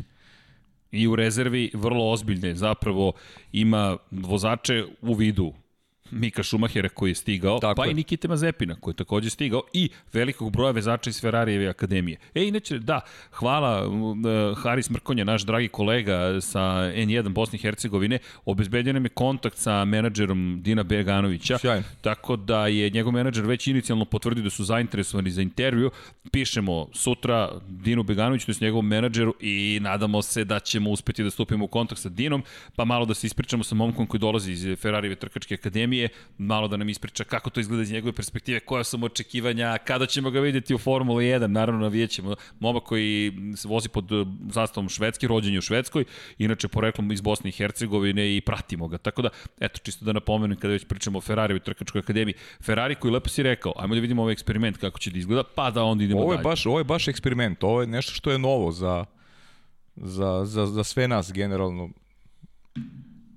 Iz te neke ere Ferrarijeve, da je uvijek bio neki šampion koji je, oko koga se vrteo projekat, ti sad imaš dva mlada vozača, ja i dalje mislim Leclerc sa mnogo boljom pozicijom unutar, unutar garaže, neko koji je i, i polaznik njihove akademije, neko ko je projektovan verovatno u njihovim negde glavama da bude, da bude i šampion, rival Maxu Verstappen u nekoj budućnosti, ali naravno Carlos Sainz sa svojim kvalitetima, sa onim što je pokazao u drugoj polovini 2020. godine, sigurno neko ko treba da doprinese stabilnosti Ferrari. E sad kako će sve izgledati, opet jedna nepoznanica i zato jeste sport interesantan, što mi možemo da polemišemo, da pričamo, ali ništa su napred ne znaju. Vidjet ćemo kako će sve izgledati u praksi. Čekaj, da li nas to vraća u eru zapravo pre Schumachera? Da, da, vraća nas u eru pre definitivno. Bergera Lez, Gerhard Berger i Žana Lezi. Žana Lezi, pa da. Berger imao... Ili pre toga ono Alboreto i, i Berger, recimo. Da, Berger je Albo- Alboreto. 87.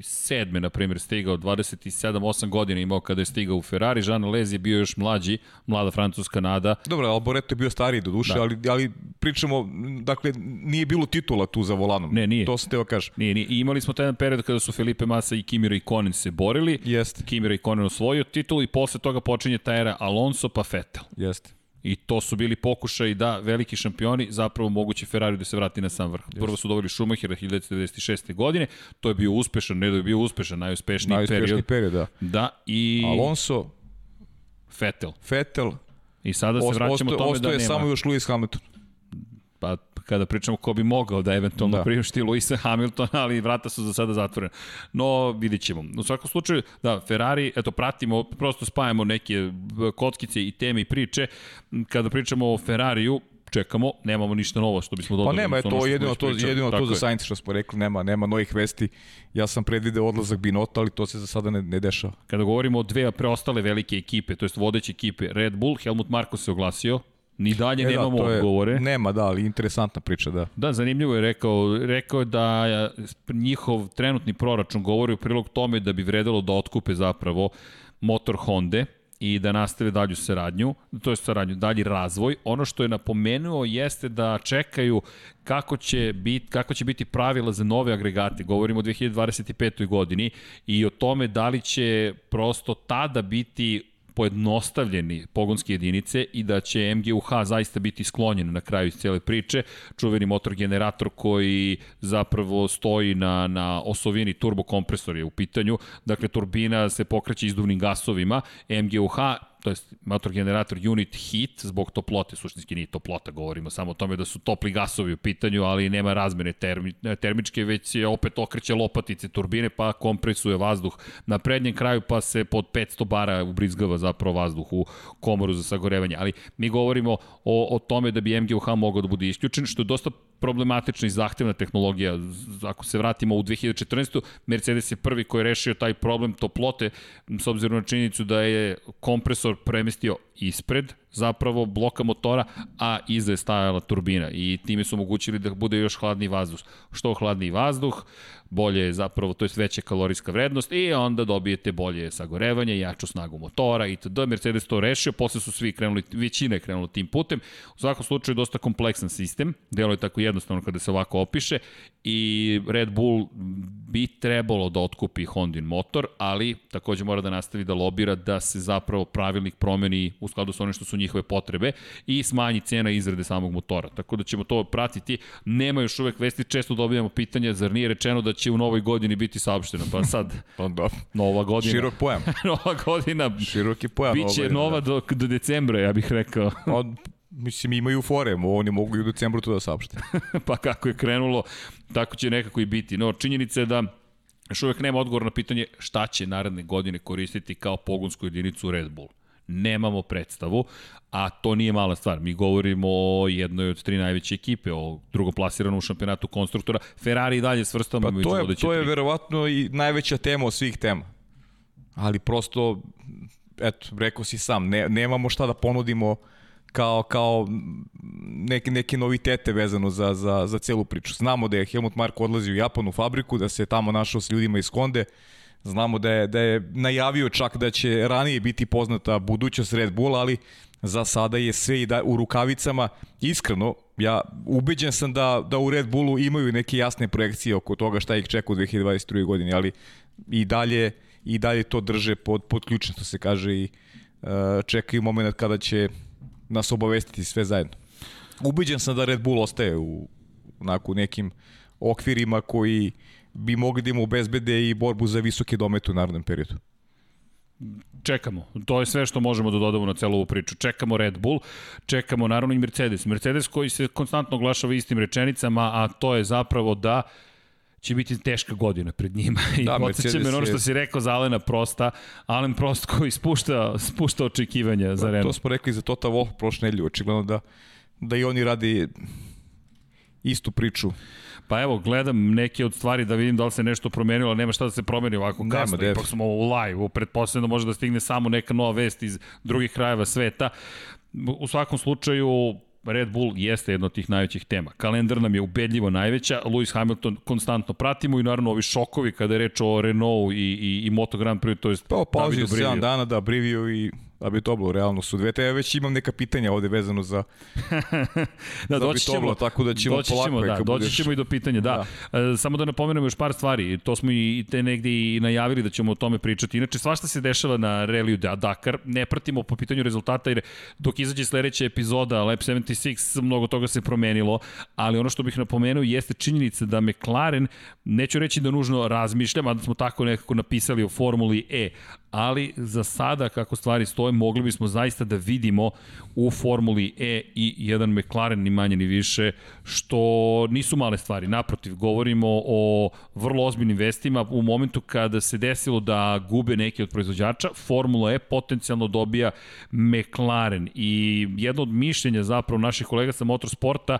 jeste Matt Key je pisao baš možemo reći komentar o tome da inače zvanična vest glasi ovako. McLaren razmišlja zvanično o tome da između ostalog nastupa u Formuli E. Nemojmo zaboraviti, u Formuli 1 je prisutan McLaren, u IndyCaru je takođe prisutan McLaren, bili su treći prošle godine u šampionatu konstruktora Formule 1, jedan su od najboljih timova u istoriji, da, posrnuli su u prethodnoj deceniji, međutim, dva pobednička postolja u prethodne dve godine, pozicija broj 3, mnogo toga se promenilo, deluju da bi s Mercedesom mogli da dođu ponovo povremeno i do samog vrha, ali Formula E, prema mišljenju Kia, je ključni moment da, da bi se McLaren vratio u sam vrh. I iz njihove perspektive To je jedan od tih važnih poteza, tako da ja se iskreno nadam, evo ovde imamo i neke posetioce u pola noći, samo da mahnemo našem dragom kolegi iz ekipe nekih finih ljudi, Đorđe Krstić, to je čovek koji inače ide na Moto Grand Prix trke sa nama, pa kada vidite neki od snimaka, svratio je malo da vidi šta se zbiva u studiju na kraju univerzuma.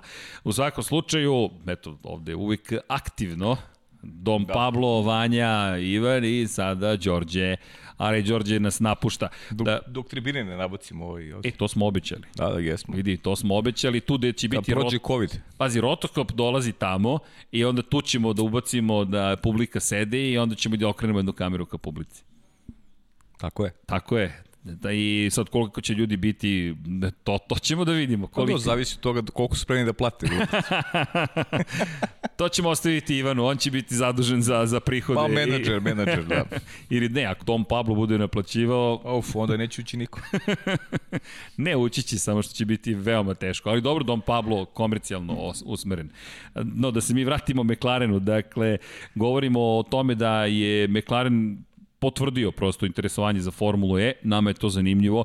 Zašto? Mi, mislim da je zanimljivo. Da, uopšte taj moment ulaska jednog proizvođača koji nije fabrika automobila, već je konstruktor Formule 1 u Formulu E, možda može da, da pomogne i jednima i drugima. Sad vidjet ćemo, ono što Mercedes takođe napominje jeste da će sve više tehnologija prelaziti iz jednog šampionata u drugi. Da, vidim po tvojoj grimasi već vidim da... A znaš da ne volim da učestim u tim temama uopšte da, vidim da me, da, me, da me aktivno bojkotuješ, ali okej. Okay. Do, ko, konstatovo si ono što je suština. McLaren ulazi u, u Formule E, sve najbolje. Da, McLaren Želimo inače, McLaren u Formuli E. Vidi, McLaren, nemojmo zaboraviti, je razvijao i baterije generacije 2 u Formuli E. To, to su važne stvari. Williams bi trebalo generacije 3 i McLaren je već već je prisutan. Nemojmo zaboraviti da McLaren Automotive se takođe bavi i automobilskom industrijom i iz te perspektive to važno za kompletnu kompaniju McLaren. McLaren je na poslednjih trkačkim vikendu doživeo lepe stvari. Ne samo što je obezbedio treću poziciju šampionatu konstruktor, dobili su i, i investiciju. Dobili su nove, svež novac i McLaren mislim da ima tu vrlo svetlu budućnost. Ovaj, ovaj ulazak u formulu, mogući ulazak u formulu E, nadam se da će da će im pomoći. Ja im želim sve najbolje u Formuli E, ali fokusiran sam isključivo na Formuli 1 gde su odavno pokazali da su velika ekipa i, i bit će i ostaće velika ekipa. Eto, imali su trenutni pad. Ono što verujem da će Williams da prebrodi taj trenutni pad i da će se opet vratiti tamo gde pripada, da će nam poštriti konkurenciju u 2022. već. Dobro, dakle, ostajemo na Formuli 1, nema ove priče pa, o Formuli 1, šalim se, šalim ne, se, naravno, mislim, šalim se. Ti si ispričao si sve, ja, znaš da ja... Čekamo neke nove vesti, da. znam. Inače, od novih vesti iz Formule 1, Franz Tost se oglasio kada je reč o Pieru Gasliju. Pierre Gasly rekao je da očekuje da Red Bull neće tako lako pustiti Pierre Gasly da napusti redove, da li Alfa Taurija, da li Red Bulla, ali da i to inače Franz Tost šef ekipe Alfa Tauri za koju će voziti i naredne godine Pierre Gasly, koji su zajedno pobedili u Monci prošle godine. I da, ima logike. Pa na šta je suština u cijeloj priči? Max. Šta će biti sa Maxom? Znamo za sve te klauzule u ugovoru. Max koji traži od svoje ekipe da ima uh, automobil kojim će se boriti za pobede, za podijume. To je ono što, što Max imaju klauzuli ugovor. Koliko Red Bull to ne može da ispoštuje? Pa Max ode svojim putem. A Pierre Gasly bi mogao da bude negde u nekoj projekciji naslednik e, Maxa Verstappena u ekipi Red Bullu, Red Bullu ukoliko Max krene za nekim novim izazovima u karijeri. A to bi moglo lako da se dogodi. Max jeste velika Jer Max je rekao, Max je rekao da da se Austin opterećuje time što što mnogi smatraju da je već u, da je već u godinama kada bi trebao da ima jednu šampionsku titulu. Ne pričam više o tinejdžeru, o klincu koji je oduševio svet, već o nekom ko je e, već i superstar u Formuli 1, neko ko, kome je projektovano da bude naslednik Fetela, Hamiltona i, i ostalih vozača. Tako da, e, pitanje je kako će se karte otvoriti, ali on drži sudbinu u svojim rukama i kako će reagovati na neke ponude, a bit ih sigurno. u, u bliskoj budućnosti. Zanimljivo, kada spominješ Verstappena, samo da se nadovežemo i na još jednu priču, a to je da je Damon Hill, svetski šampion 1996. rekao da veruje da bi Red Bull zarad svojeg napretka i tekako trebalo da sluša savete koji ima Sergio Perez za cijelu ekipu. Zanimljivo okay. mi je bilo šta je rekao za Maxa Verstappena. Rekao je, postoje vozači koji, zahvaljujući svojim nevjerovatnom talentu, mogu da prevaziću nedostatke bolida ali to ne znači da ti isti vozači mogu da omoguće unapređenje samog bolida kako bi došli do još boljih rezultata. Što mi djeluje kao, ne mogu da kažem da to važi za Maxa Verstappena, ali mi djeluje kao dobar argument zašto bi možda Red Bull trebalo da obrati pažnju i na ono što donosi Sergio Perez, koji je vrlo iskusan i donosi kilometri i kilometri stariji od Maxa Verstappena, ne znači da je nužno brži, ali ako se vratimo na priču o Briviju, koji je u svojim redovima imao Rosija i Colina Edvrca, Colin Edvrc je pritom bio dvostruki šampion sveta u Superbajku, Rossi zvezda koja je nosila cijelu ekipu, Edvardza međutim nisu hteli nikako da puste jer je konstantno unapređivao što motocikl, što gume. Pa znaš šta ja mislim, to, to, sam, to smo pričali ti ja već, šta mislim generalno vezano za dolazak Serhije Perez, da će da izvuče više od Maksa da i Maxu treba E, Maxu je trebao Ricardo tokom prethodne dve godine. Samo što Ricardo više nije trebao ni Red Bull ni Max. Ricardo je trebao novi izazov i trebao mu je novac. Trebao je da naplati ono što je, što je svojim, svojim talentom pokazao na stazi. A Maxu sada je neophodan Perez. Jer Max prethodne dve godine nema pravog rivala. Max čisti konkurenciju. Ali samim tim nije, nije do kraja, čini mi se, svestan uh, sobstvenih mogućnosti. Znaš, jer, jer nema pravo poređenje unutar Red Bulla između Maxa i njegovih konkurenata. Okej, okay, a sada će reći ljudi pravi se automobil po Maxu, ok, sve to u redu. Ali realno momci koji su bili konkurenti Maxu u Red Bullu nisu na njegovom nivou. Sergio Perez bi mogao da, da napravi od Maxa još boljeg vozača. I mislim da će to da bude neka njegova, u, u projekciji ljudi iz Red Bulla, da je to neka uloga Meksikanca koju će imati uh, tokom sledeće godine. I zato je taj još jedan period vrlo interesantan. Ima ih mnogo, iz mnogo aspekata jedva čekamo početak nove sezone i iz ovog aspekta Red Bulla posebno taj dolazak Serhije Pereza, znači Red Bull posle od onog perioda Max Ricardo konačno ima onako, rekao bih, dobro izbalansiran tim. Serhije Perez pritom da ako je Hill u pravu, ukoliko bi mogao da pomogne u napređenju tog bolida, ne samo što bi na ličnom nivou, dakle vozačkom nivou mogao da natera da bude Verstappen bolji, je, nego... već cijel tim bi mogao da poberi napred. Što opet bi u nekom savršenom univerzumu nateralo i Ferrari i ostale da opet pomere sami sebe, jer moraš, moraš da pratiš konkurenciju, pa i Mercedes možda nateralo da bude i bolji nego što smo ga videli, što ponekad zastrašuje, ali vidi, ka, Mercedes nije odavno imao pravi izazov već treću yes. godinu za redom mi nam se čini da neće biti izazov. 2018. Mercedes nije imao zbiljni izazov. Od onog napada Sebastijana Fetela od, i Ferrari je u prvoj polovini godine. Pa od Monce, od trke u Monci. Da, od tog momenta Oni niko ih nije Oni od trke u Monci nemaju nikakav izazov, da. Ok, radujemo se, nadam se da je Hill u pravu iz te perspektive. Pa nadam se ja i nadam se da će da, da Perez donosi ono što negde i predviđamo da, da, da, da će doneti ekipi. Da, Perez je taj jedan enigmatični vozač. Koliko god je bio dobar u Racing Pointu, ne mogu tek tako da izbrišem i, i trke pre toga u kojima nije bio tako konstantan. Ne znamo da li je njegov motiv ove godine bio to što je dobio otkaz. Konačno, mi nikada nismo bili videli tako, bili videli ni, ni, ni zrno te koncentracije i konstantnosti koje je Perez pokazao ove godine. Videli smo mnogo lepih trka, ali ovakvu konstantnost ne pamtim, zaista. Možda, da nekada davno u nekom drugom univerzumu, ali sada nadam se da će Perez to uspeti da zadrži, ali to isto pod velikim znakom pitanja. Pa naravno, pa sve je po znakom ne znamo. pitanja. To je sport, to je, to je živa stvar, to je prilagođavanje nekom novom projektu, ekipi, i to što si imao rezultat juče ne znači da ćeš ga imati Tako danas, a pogotovo ne sutra. Pritom, I, pritom Sergio Perez je u Racing Pointu napravio najbolji rezultati od momenta kad je saznao da ide. Tako je. Pa i tu se dogodilo nešto u njegovoj glavi ne, da, teo i da pokaže svima da, da to nije zasluženo, da a, zaista je jedan blista period njegov. Kako će izgledati to u Red Bullu? Znaš, ne bih se znadio ukoliko Max bude i od Serhija Pereza brži koliko je bio i od Albona i iskreno ti kažem. Ne bih se znadio. Pa ne bi ja, bilo ja, ja hoću da verujem da, da ovo što pričamo, da, da, je Sergio, da Sergio može da pomeri granice i Maxa Verstappena, a i samog Red Bulla jer verujem da je to neka ideja austrijskog tima. I bilo bi super da se to dogodi za sve nas koji, koji stvari posmatramo iz, iz neutralnog ugla. Da, to su te nepoznanice. Nepoznanice velika. Luke Smith, isto jedan od naših kolega na motorsportu, je imao intervju sjajan sa Kevinom Magnusenom. Zašto to ističem? Magnusen koji je posle svoje prve trke u McLarenu 2014. to je početak hibridne ere. McLaren je tada koristio Mercedesove motore, bio je na pobedničkom postolju u svojoj debitanskoj trci. Yes. Danas je rekao da je očekivao da će se boriti za titulu šampiona da. sveta posle te prve trke. Tako je, pa logično. Šta bi ti očekivao? Imaš prvu trku, voziš i na podijum. u McLarenu. U McLarenu i a tek si došao, tek si zakoračio u Formulu 1. A zamenio si Serhija Pereza, koji je neslavno otpušten jer nije imao dovoljno dobre rezultate. Tako je. I taj momak uđe, bude na pobedničkom postolju, kazne Daniela Ricarda, pa mu se pridruži Jenson Button na pobedničkom postolju. Viš kako se točak, kako točak sreće, šta se događa toliko godina kasnije. Imamo Serhije Pereza opet u jednoj moćnoj ekipi, a Kevin Magnussen Ćao iz Formule. Ćao iz Formule 1.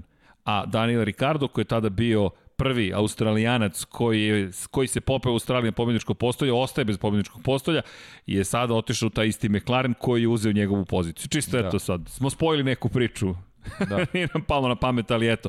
I, i do, dođeš do toga da... Desilo se slučajno, eto. Da, u novembru ove godine na pobjedičkom postoju u Australiji biće Daniel Ricardo u McLaren Mercedesu. Jeste. Ali je fascinantno i lepo si rekao, šta bi ti pomislio da voziš prvu trku Formula 1, budeš na pobjedičkom postolju? Pa da, pomeraš sebi granice očekivanja, znaš, ti, ti u startu kažeš još mlad momak, uval sam moćan, na podijumu sam prva trka, šta će biti posle 21. trke, posle dve godine, posle Ko je ovde tri, glavni? Ja sam taj.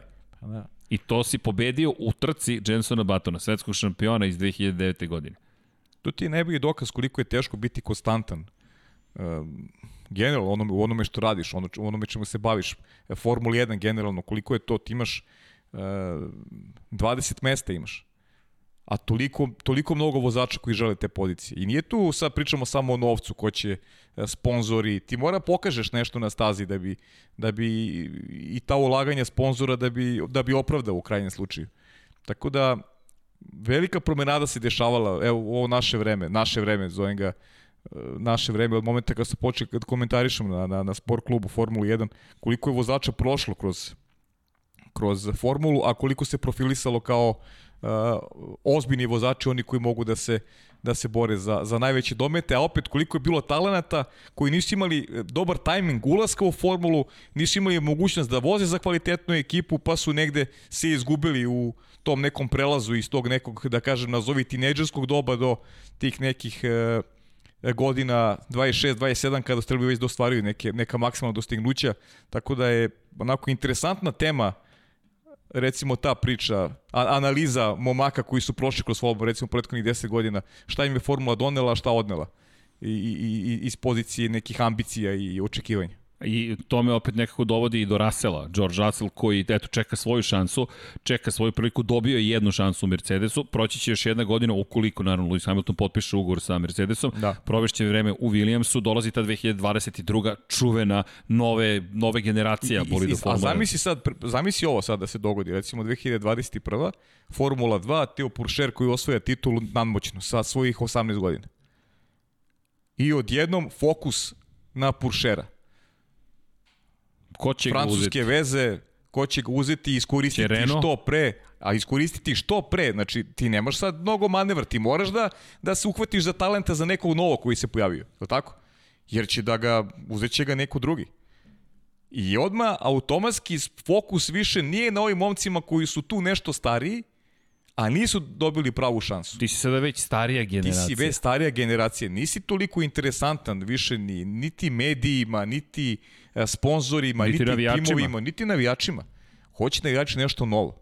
Neko novo uzbuđenje. Tako je. A Mick Schumacher je već stigao, koji Mick... sam po sebi donosi toliko uzbuđenja. Jest. Samo prezime je dovoljno, a kamoli činjenice da je svoju titulu u Formuli Pazi, 2. Pazi, razmišljamo o tome da li će uopšte George Russell dobiti pravu šansu. Ikada. Ikada. Ikada.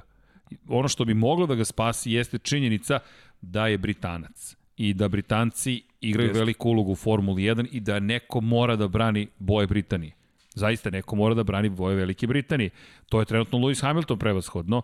Čovjek je postao jedan od jedan od malobrojnih predstavnika Formule 1 koji su pretvoreni zapravo u vitizovi njenog visočanstva, njenog carstva, kraljevstva i ti sad odlaziš do toga da ko će ti sutra predstaviti Veliku Britaniju. Ponestaje tu prostora, ali ko zna, možda se pojavi ko Lando Norris i kaže, evo, ja ću Recimo, da vas predstavljam. Da. Kaže, ja ću preuzeti tu ulogu. Pa ne, pazi, nemoj zaboriš, imamo tu i Kala Majlota koji, Jeste, koji, koji tu vreba iz, iz senke. Čeka svoju senke, priliku. Da. I koliko je zapravo teško uspeti. Mnogo Ispojiti sve kockice i reći, mnogo, mnogo ok, ljudi, ja sam taj koji, koji, koji će uspeti u celoj ovoj priči. Mnogo.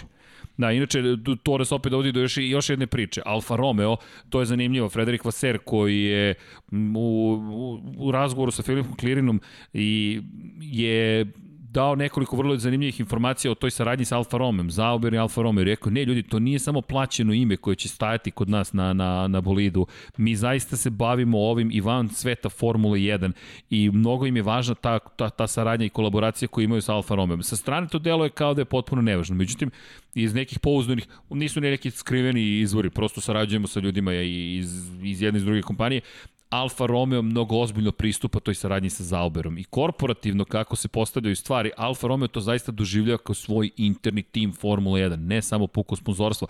Tako da mi je bilo lepo kada sam vidio zapravo da, da, da je i Zauber učestvovao u razvoju automobila za 2020. godinu. I kada pogledamo i GTA i GTAM su Romeo Giulia, Alfa Romeo Giulia je bila zapravo zahvaljujući Zauberu takođe razvijene na jedan poseban da. način, što su lepe stvari.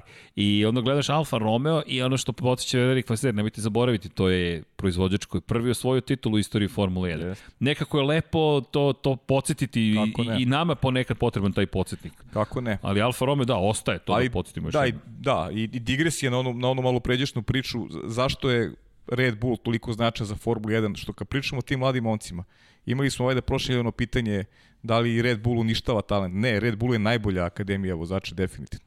Red Bull je najviše talenta i, i predstavio u Formuli 1. I dao im pravu šansu, u krajnjem slučaju prava šansa je i voziti godinu dana. Ti imaš šansu da se dokažeš u tih godinu dana. I najviše, najveća promenada vozača nam je iz Akademije Red Bulla. E, setit ćemo se malo njih koji nisu dobili šansu, a mi smo negde videli da zaslužuju poput da Koste, recimo njega, njega često apostrofiramo kao vozača koji je šampion iz, ove, iz ovog tvog takmičenja koje voliš. Jeste. Da. Formula E. Formula da E. Da ne zaboravimo. Da.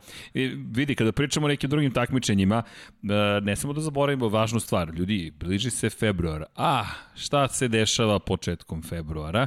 Dešava se poseta kojoj čuvenoj stazi koja se nalazi u Sjedinjim američkim državama u državi Florida. Ja, da, jeste. Da, da, da, da, pa to je, to je, to je, mislim, 14. februara.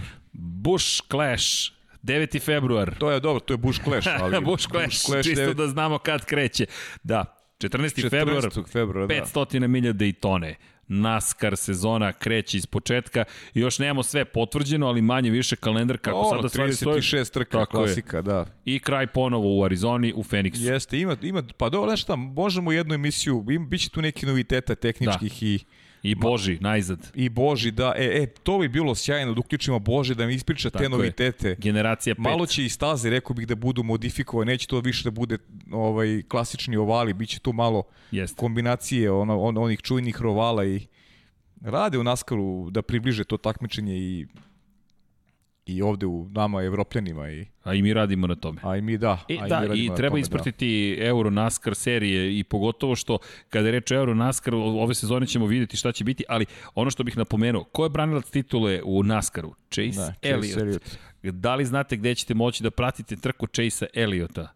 Naravno da je Daytoni, ali 24 časa Daytone, Chase Elliott se sprema. Biće to zanimljivo, meni, meni je stvarno fenomenalno što se sve češće događaju ta ukrštanja i Chase Elliott koji će imati priliku sa ozbiljnom ekipom da nastupa. Pazi sad ovo, Felipe Nasar, Pipo Derani, Mike Conway. Sjajno. U Action Express Racingu broj 31 će nastupati. Cadillac DPI VR je u pitanju i IMSA prototipi su u pitanju, dakle, kada govorimo o šampionatima, malo pre smo spomenuli Kevina Magnusena, imaćemo priliku na 24 časa Daytona da vidimo Eliota koji je rekao, samo ću pokušati da ne zabrljam veteranima celu situaciju. Radili smo jednu tija tu ovaj trku, 24 časa Daytona, tako? Ne, ne, ne radili smo, da, ne, ne, radili smo, radili smo uh, ne, neki Dakar, drugi Dakar. stvar. E, radili smo, čekaj, nije, bili smo u, u Bahreinu. Bahrein smo radili. 24 8 časa. časova Bahreina. Ne, bre, 24 časa Dakar sigurno. Sigurno. 100%. Godine su učinile svoje Da, Daytona, Daytona, 4 časa Daytone. Daytone. Da. Pratit ćemo šta se tamo zbiva. Ja verujem da će to biti fenomenalno. Da će to biti fenomenalno i ispratiti Chase Elliota u nečem novom. Chase to. je sjajan vozač. Jeste. Sjajan vozač. I redko se dešavaju priče da, da imate eto, i očevi i sinove šampione u, u jednom takmičenju. Recimo, eto, u Naskaru i njegov otac Bill Elliott je bio šampion Chase ove godine, tačnije prošle godine i neko ko sigurno ima potencijal da, da krene u poteru za rekordima koje drže ovi velikani. Jimmy Johnson, Earnhardt senior i naravno Richard Petty. Pa pogledaj samo kada govorimo o očevima i sinovima. Pogledaj Carlosa Sainca. Carlos Sainz mlađi je vozač sada Ferrarija Formule 1. Vozio je za McLaren, vozio je za Renault, vozio je za Toro Rosso. Da.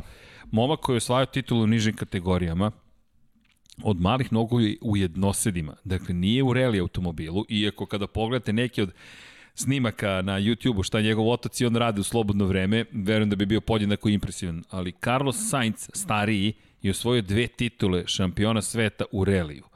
I nekako je logično da će dete da gleda ka tati i ka volanu u menjaču i svemu ostalom, A što čak ne nemaš više ne u formule. može kad mu je tata napravio karting stazu. Da. To je ono što ti spominješ često, prosto Da, da bio si... na, napravio mu je karting stazu i šta će on? Šta radiš dete- četvrtkom ujutru? Pa vozim karting. A šta radiš popodne? Petkom, pa šta radiš vozim, petkom? Isto. Vozim karting, a subotom pa vozim karting. Šta ti radiš inače? Vozim karting. A čime se sad baviš? A sad vozim Formulu 1 da, pa. za Ferrari. I te, te priče o očima sinovi su fenomenalne. Jan Magnussen, Kevin Magnussen, to se nekako spa. Pa čak i, i kada pogledaš Lensa Strolla i Lorenz Stroll i ta interesovanja koje postoje za automotosport, su nekako fenomenalne, ali meni uvek Carlos Sainz pada na pamet. Jednostavno Carlos Sainz čovek koji je toliko toga učinio, inače koji je opet učestvovao i ove godine u Rallyu Dakar. Rally Dakar ne pratimo toliko, to napominjemo, ali m, ispratimo priče, sutra ćemo više pričati, imali smo neke neverovatne priče, ljudske priče i mogu reći da, da ono što smo videli u ovih nekoliko dana je neverovatno. Inače, Toby Price, ne znam koliko ste pratili, bio povređen u jednom od brzinaca. Ricky Brabek i Sam Sunderland su odlučili da pripomognu. To je ono što, je, što, što su priče koje još uvek imamo, pogotovo na Dakaru, kao nekada davno u Formuli 1, kada vozač se zaustavi ide da pomogne. Sada čak gotovo da nema potrebe, medicinsko osoblje je uvek tu. Međutim, ono što je neverovatno jeste da su se zaustavili, neverovatno, ono što bi trebalo bude verovatno, zaustavili su se, dobili su čak i nagradno vreme, zahvaljujući činjenici da su mu pomagali. Tako da pratimo inače situaciju, pratimo i kakvo je njegovo stanje, ali činjenica je da je prebačen u bolnicu posle incidenta i držimo u svakako da će sve biti okej. Okay. Izleteo je australijanac, ne mogu da kažem sa staze, imao je prosto incident na 155. kilometru i prebačen je, ima povrede levog ramena, desne ruke i glave, ali ne znamo još uvek sve informacije o tome. Bio je svestan u momentu kada su ga prebacivali. No, meni je, je to jednostavno prosto lepa priča, a kada pričamo još malo o Dakaru, da spojim i sa automobilizmom, Sebastian Leb, koji se dosta žalio na organizaciju, nije lako organizovati Dakar, je odlučio da se povuče posle osmog brzinca u ponedeljak iz daljeg takmičenja na Pa to je Dakar. možda i najinteresantnije kada nešto se, Vanja mi kaže, nešto se čuje. Ne znam, Vanja, nešto je upalo neki zvuk, ali Nadam se da smo sad sve rešili. Znam i šta se desilo. Slučajno sam rukom pritisnuo zvuk na laptopu, ne zamerite. O, da li ćemo dobiti sada copyright claim na YouTube. Kad smo već kod copyright claimova, da iskoristimo priliku da, da nam pomenemo šta. Šta? Sada, sada rizikujem, pazi, ne znam šta će se sada desiti, ali ne bi bio Lab 76 da nešto ne rizikujemo. Ima još neke vesti mi. Zašto sklanjaš tu šolju? Zašto? Zato što ću sad nešto da uradim. Da, da, da rizikuješ. Da rizikujem, da. Ali jesi primetio kako je, može Vanja četvorka, molim te. Jesi primetio Don Pablo kako je napravio kombinaciju? Renault, Fernando Alonso, hvala još jednom za poklon, i Suzuki kačkit koji tu stoji. Dobro. Glava Suzuki je stigla u Renault. Dom Pablo čak se ni ne smeje, gleda pažljivo da ću prosuti šolju po nečemu na pa, samom stolu. Sa, samo to i gleda. samo zbiljnost. Ali, ako treba da nas banuju, makar nek nas banuju kako dolikuje. Ko je snabdevač gumama u Formuli 1? Pirelli, naravno. Dobro. To, to smo zaboravili, da. Eh, ovo nam je stiglo još prošle nedelje. Ne znam šta se desilo umeđu vremenu, ali Uh, čuli ste taj zvuk. Vanja, koju kameru nam daješ? Ti reci, koje ćemo? Pirelijev kalendar nam je stigao. Ne znam da li ovo smem da otvorim, ovo moram da obeležim sa 18+. Plus. Pa, Ali, ja, ja, zato ti kažem. Smemo ovako, otprilike, da ne, ne otvorimo. Znam, ne znam koji period. Ovde su sve svi kalendari i kompletna umetnost Pirelija. A, hvala Vanja, kako je ovo je teasing. Dakle, obogatili smo studio. E, ovo smem da primjer da pokažem. Evo, Long Beach, San Diego i kako su radili iza, to jest kako su se pripremali za fotografisanje čuvenog kalendara. I to je deo istorije kulture, prosto nekako kada smo videli ovaj Pirellijev kalendar, to je sve monografiju celu, bilo je jače nekako od nas, morali smo da namaju. Tako da je studio bogatiji. I naravno da ne zaboravimo knjige Dekija Potkonja kako ga teramo da ih ponovo izda, Crno i Crveno i Ayrton Sena, Vidiš, bogatiji smo u novoj godini. Tako, tako je. da ako smo dobili, nadam se da sam uspeo da izbignem sada bilo kakav ban. Ili pa dobro, to otvorio si zgodnu ovaj stranu. da, otvorio sam glavnu koricu. Ali da, činjenica je da, da se i dalje lepo zabavljamo. Kada je reč o majicama, već je neko postavio pitanje za majice do kraja nedelje, kao što sam i rekao. Dakle, sačekajte do petka. Website, website, nemojte ništa da brinete, stiže, naručivanje, sve informacije, tako da... Do kraja koje nedelje? Ove nedelje, ove nedelje, ove nedelje, gleda me Ivan, Ivan pažljivo, Dom Pablo kaže od tog filma nema ništa, ja vam kažem ima od tog filma sve. No, nekako u ovoj nedelji i dalje puno vesti kada pogledaš koliko stvari se događa kao da se sezone nisu ni završile, kao da su se samo nastavile i da, da smo već praktično na pragu istih. I podsjećam još jednom, mi možda nećemo prenositi sve što spominjemo, ali bez obzira gde gledate, gde pratite, gde se informišete, mi to podržavamo. Automotosport pa, je naša ljubav. Pa nećemo sve, sigurno to što spominjemo. Prenositi? Ne, da, ne, ne. nećemo sigurno. Ali, ovo, ali NASCAR. NASCAR, na, NASCAR hoćemo sigurno, da. Mislim da ćemo ove godine da, zajedno raditi da 500 milja Daytone. Pa, Ja obično imam odmor u februaru. Pa isto ja, zato Ali zato od tog gledam, filma ali... ja mislim da neće biti ništa ove godine, makar za mene. Um, pa možda ću onda raditi s Denisom. Pa možda možda posle Daytone da malo A misliš napravimo. 15. februara? Pa da. Bekstvo. Pa da. Skijaški Lab 76. Pazi, imamo skije. Pa znaš da ja šankam. Oj, si si cankam. cankam, ok. Ti ćeš da daješ ocene za stil, da, kako da. sam to obavio i šta kako tako to je, izgleda. Tako je. Don Pablo se hvata 5, za glavu. 5, 7, 5, 8, 5, Samo? Pa vaje, pa 9, 7, najmanje. Neka šestica će biti, ovaj možda. Da, podsjetnik još jednom. Na sport klubu ćete moći da pratite trke Naskara i dosta, dosta stvari očekujemo pa da, u narednih Formula godina. 2, Formula 3, naravno, sve ono što ste navikli. Jeste. Stiže Moto polako li sigurno. Ali dobro, do Formula ima Dovoljno još... je, mislim da je dovoljno. Pa više nego dovoljno. Ali prvi, prvi šampionat kojim se više bavimo i ono što smo rekli, bit će specijal u Naskaru, krenut će 14. februara. Da, moramo da napravimo Čekaj, nešto. Čekaj, to dan zaljubljenih? Pa tako beše. Jel tako beše? Dom Pablo, 14. februar. Ne, ne, ne, ne, ne, Dom Pablo, pa, ok. E, Vanja potvrđuje, Vanja potvrđuje. Mili, Milica se javlja, šta kaže Milica? Milica kaže da. Va, ne, Vanja je znao, Vanja kaže Vanja to. Vanja kaže da. Zaljubljen je čovjek. Zaljubljen. Emotivac. pa jeste. Jeste, a Vanja je emotivan čovjek. Dakle, to će biti početak. A, s obzirom na činjenicu da, da, da, da je publika tu, hoćemo malo da se pozabavimo pitanjima hoćemo, i odgovorima. Da, hoćemo, da, naravno. Mislim da ti imaš već pitanja... Pa imam neka pitanja. Imaš li ali... odgovore? To je drugo e, pitanje. To, e, to je mnogo važnije. To je ključno pitanje. Inače, veliki važnije. pozdrav svima. Svašta smo, prošli put smo doživjeli da, da smo, da, e da, fotograficat ćemo se donacije koje ste nam dali, prošli put je to bio jedan novitet za nas, nismo ni znali kako to izgleda. Jesmo mi aktivirali sve te opcije, ali moram priznati da se to još nikad nije desilo u istoriji, da zapravo nije. Desilo se, sad ću vam reći kada, to su takozvani supers, evo moram da pohvalim, moram da ti priznam, Resničani nam je dao 100 dinara, prvi, još 16. decembra. Pozdrav za Resničanina, antikomentatorska donacija. Šta god to značilo. Sjajno. Sjajno. I onda prošle... Može, može još 100 da lakše podelimo. Tako da, hvala. Resničanin dao nam i ovo pozdrav iz Komšiluka studija na kraju univerzuma. E, nisam ni znao, evo Resničanin se. Ja, moram još nešto da ti napomenem.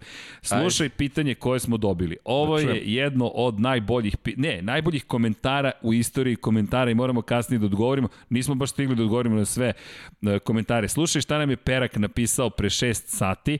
Čovek je otišao na na koji? Na Lab 76 broj 6, kraj ere Sebastijana Fetela i Ferrarija. Kaže, dolazim iz budućnosti da vam kažem da će Fetel voziti za Aston Martin.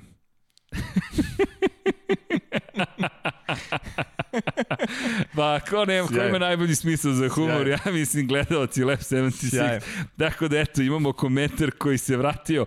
Čekajte, koji je to datum uopšte kada je bio Lab 76 pa broj 6? Broj 6 ne mogu da se setim pravo da ti kažem, ali čovjek je... To je neki juli mesec recimo. To bi trebalo, nije, nije maj, maj. Maj, a? Maj, to je maj. U svakom slučaju, eto, dobili smo komentar. Nije ni počela sezona još. Do, e pa hvala mu, došao iz budućnosti čovjek i dao nam informaciju da će Vettel voziti za Aston Martin.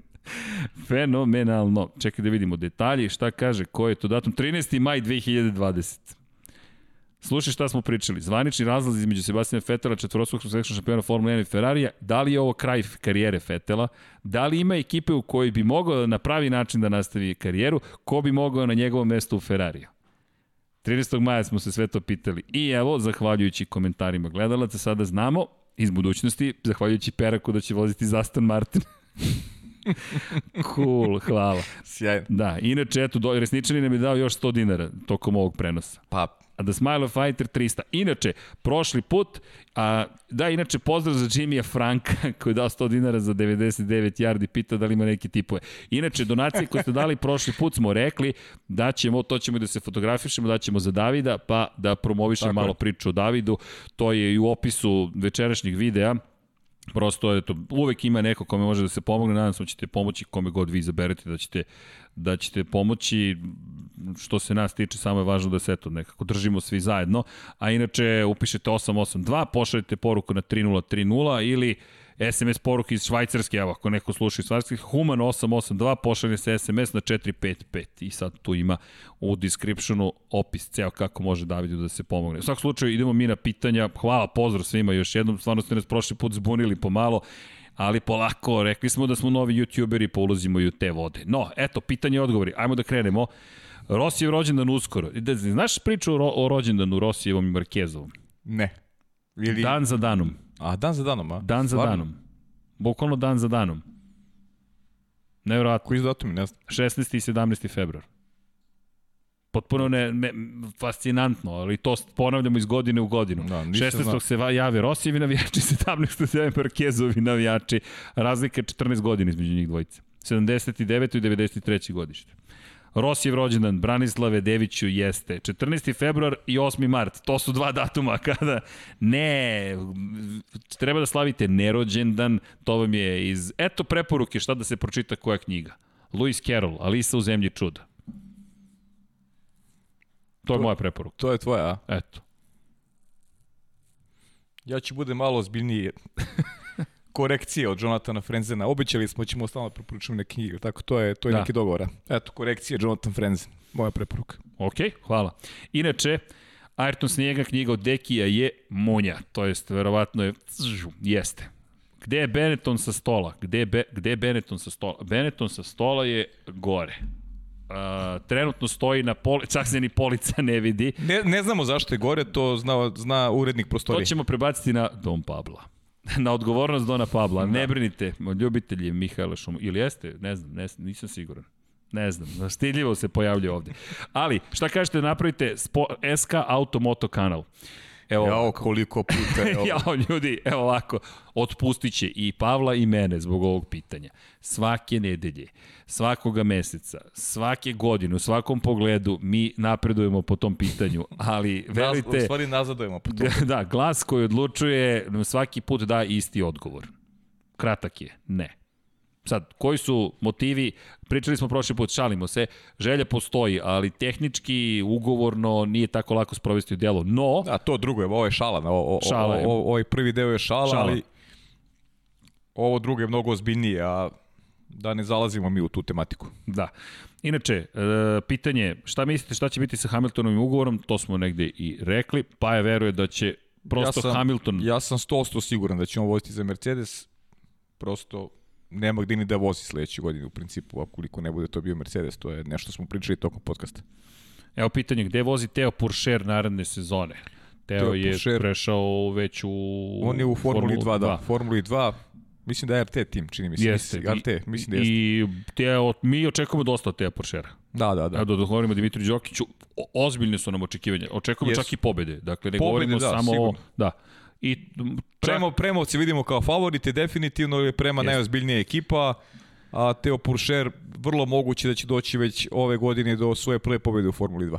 Da, i da napomenem kada već pričamo o, o, o Teo Porscheru, kada, kada pričamo ne samo o Teo Porscheru, kada pričamo o, o kalendaru, Bahrein, 28. mart, to je 27. sprint trka, 28. to je glavna trka, to je obrnuto, glavna trka, pa sprint trka. Ne, ove godine su Tri, obrnuli. po tri trke. Po, uh, Ima da, tri trke. ali ono što je bitno napomenuti jeste zapravo da, da ćemo imati različite kalendare takođe za Formulu 3. Da, imat ćemo različite kalendare, ali će se tokom jednog vikenda voziti tri trke. Jeste. Imamo... Tako da to, to je neki, to je novitet. Zato da bi se manje putovalo, smanjuju se troškovi, biće 24 trke ukupno, ali e, na 8 staza. Jeste. Tako, tri trke vikendu. Sahir, to je Bahrein, Mart, zatim 22. i 23. maj, velika nagrada Monte Carlo, to je Monaka, zatim Azerbejdžan, 5. i 6. jun, Silverstone, to je Velika Britanija, 17. i 16. jul, 11. i 12. septembar, Monca, Italija, zatim Rusija, 25. i 26. septembra u Sočiju, Džeda u Saudijskoj Arabiji 4. i 5. decembra i Jas Marina 11. i 12. decembra. Da. To su datumi predviđeni za Formulu 2. Dejan Andrić pita, on ima neke konstatacije, ali ima i pitanja. Kaže, da li mislite da je možda Alonso kad je potpisivao sa Renaultom, da je uslov bio da šef Renaulta ne bude Abitoblu? Oh, to ne verujem. Ne Iskreno. verujem ja, ali Sirili interesantan pogled na priču. Fernanda Alonso. Da. I uradio je sve što je Alonso od njega tražio. Ne bih rekao da bi Alonso tražio da neko komu je suštinski bio podrška i neko komu je izašao susretno po svim poljima da bi želeo da ga izgubi iz tima. Kada vi omogućite vašem vozaču da testira bolid iz 2005. u Abu Dhabiju, što koliko god je s jedne strane vozački moment izašao na stazu uzbudljivo je, to je marketnički takođe potez potez godine, toliko smo pričali o Fernando Alonso i zvuku tog bolida iz 2005. njegovom šampionskom bolidu, da se zapravo pokrenula i diskusija o tome zašto automobil star 15 godine donosi više uzbuđenja nego novi bolidi.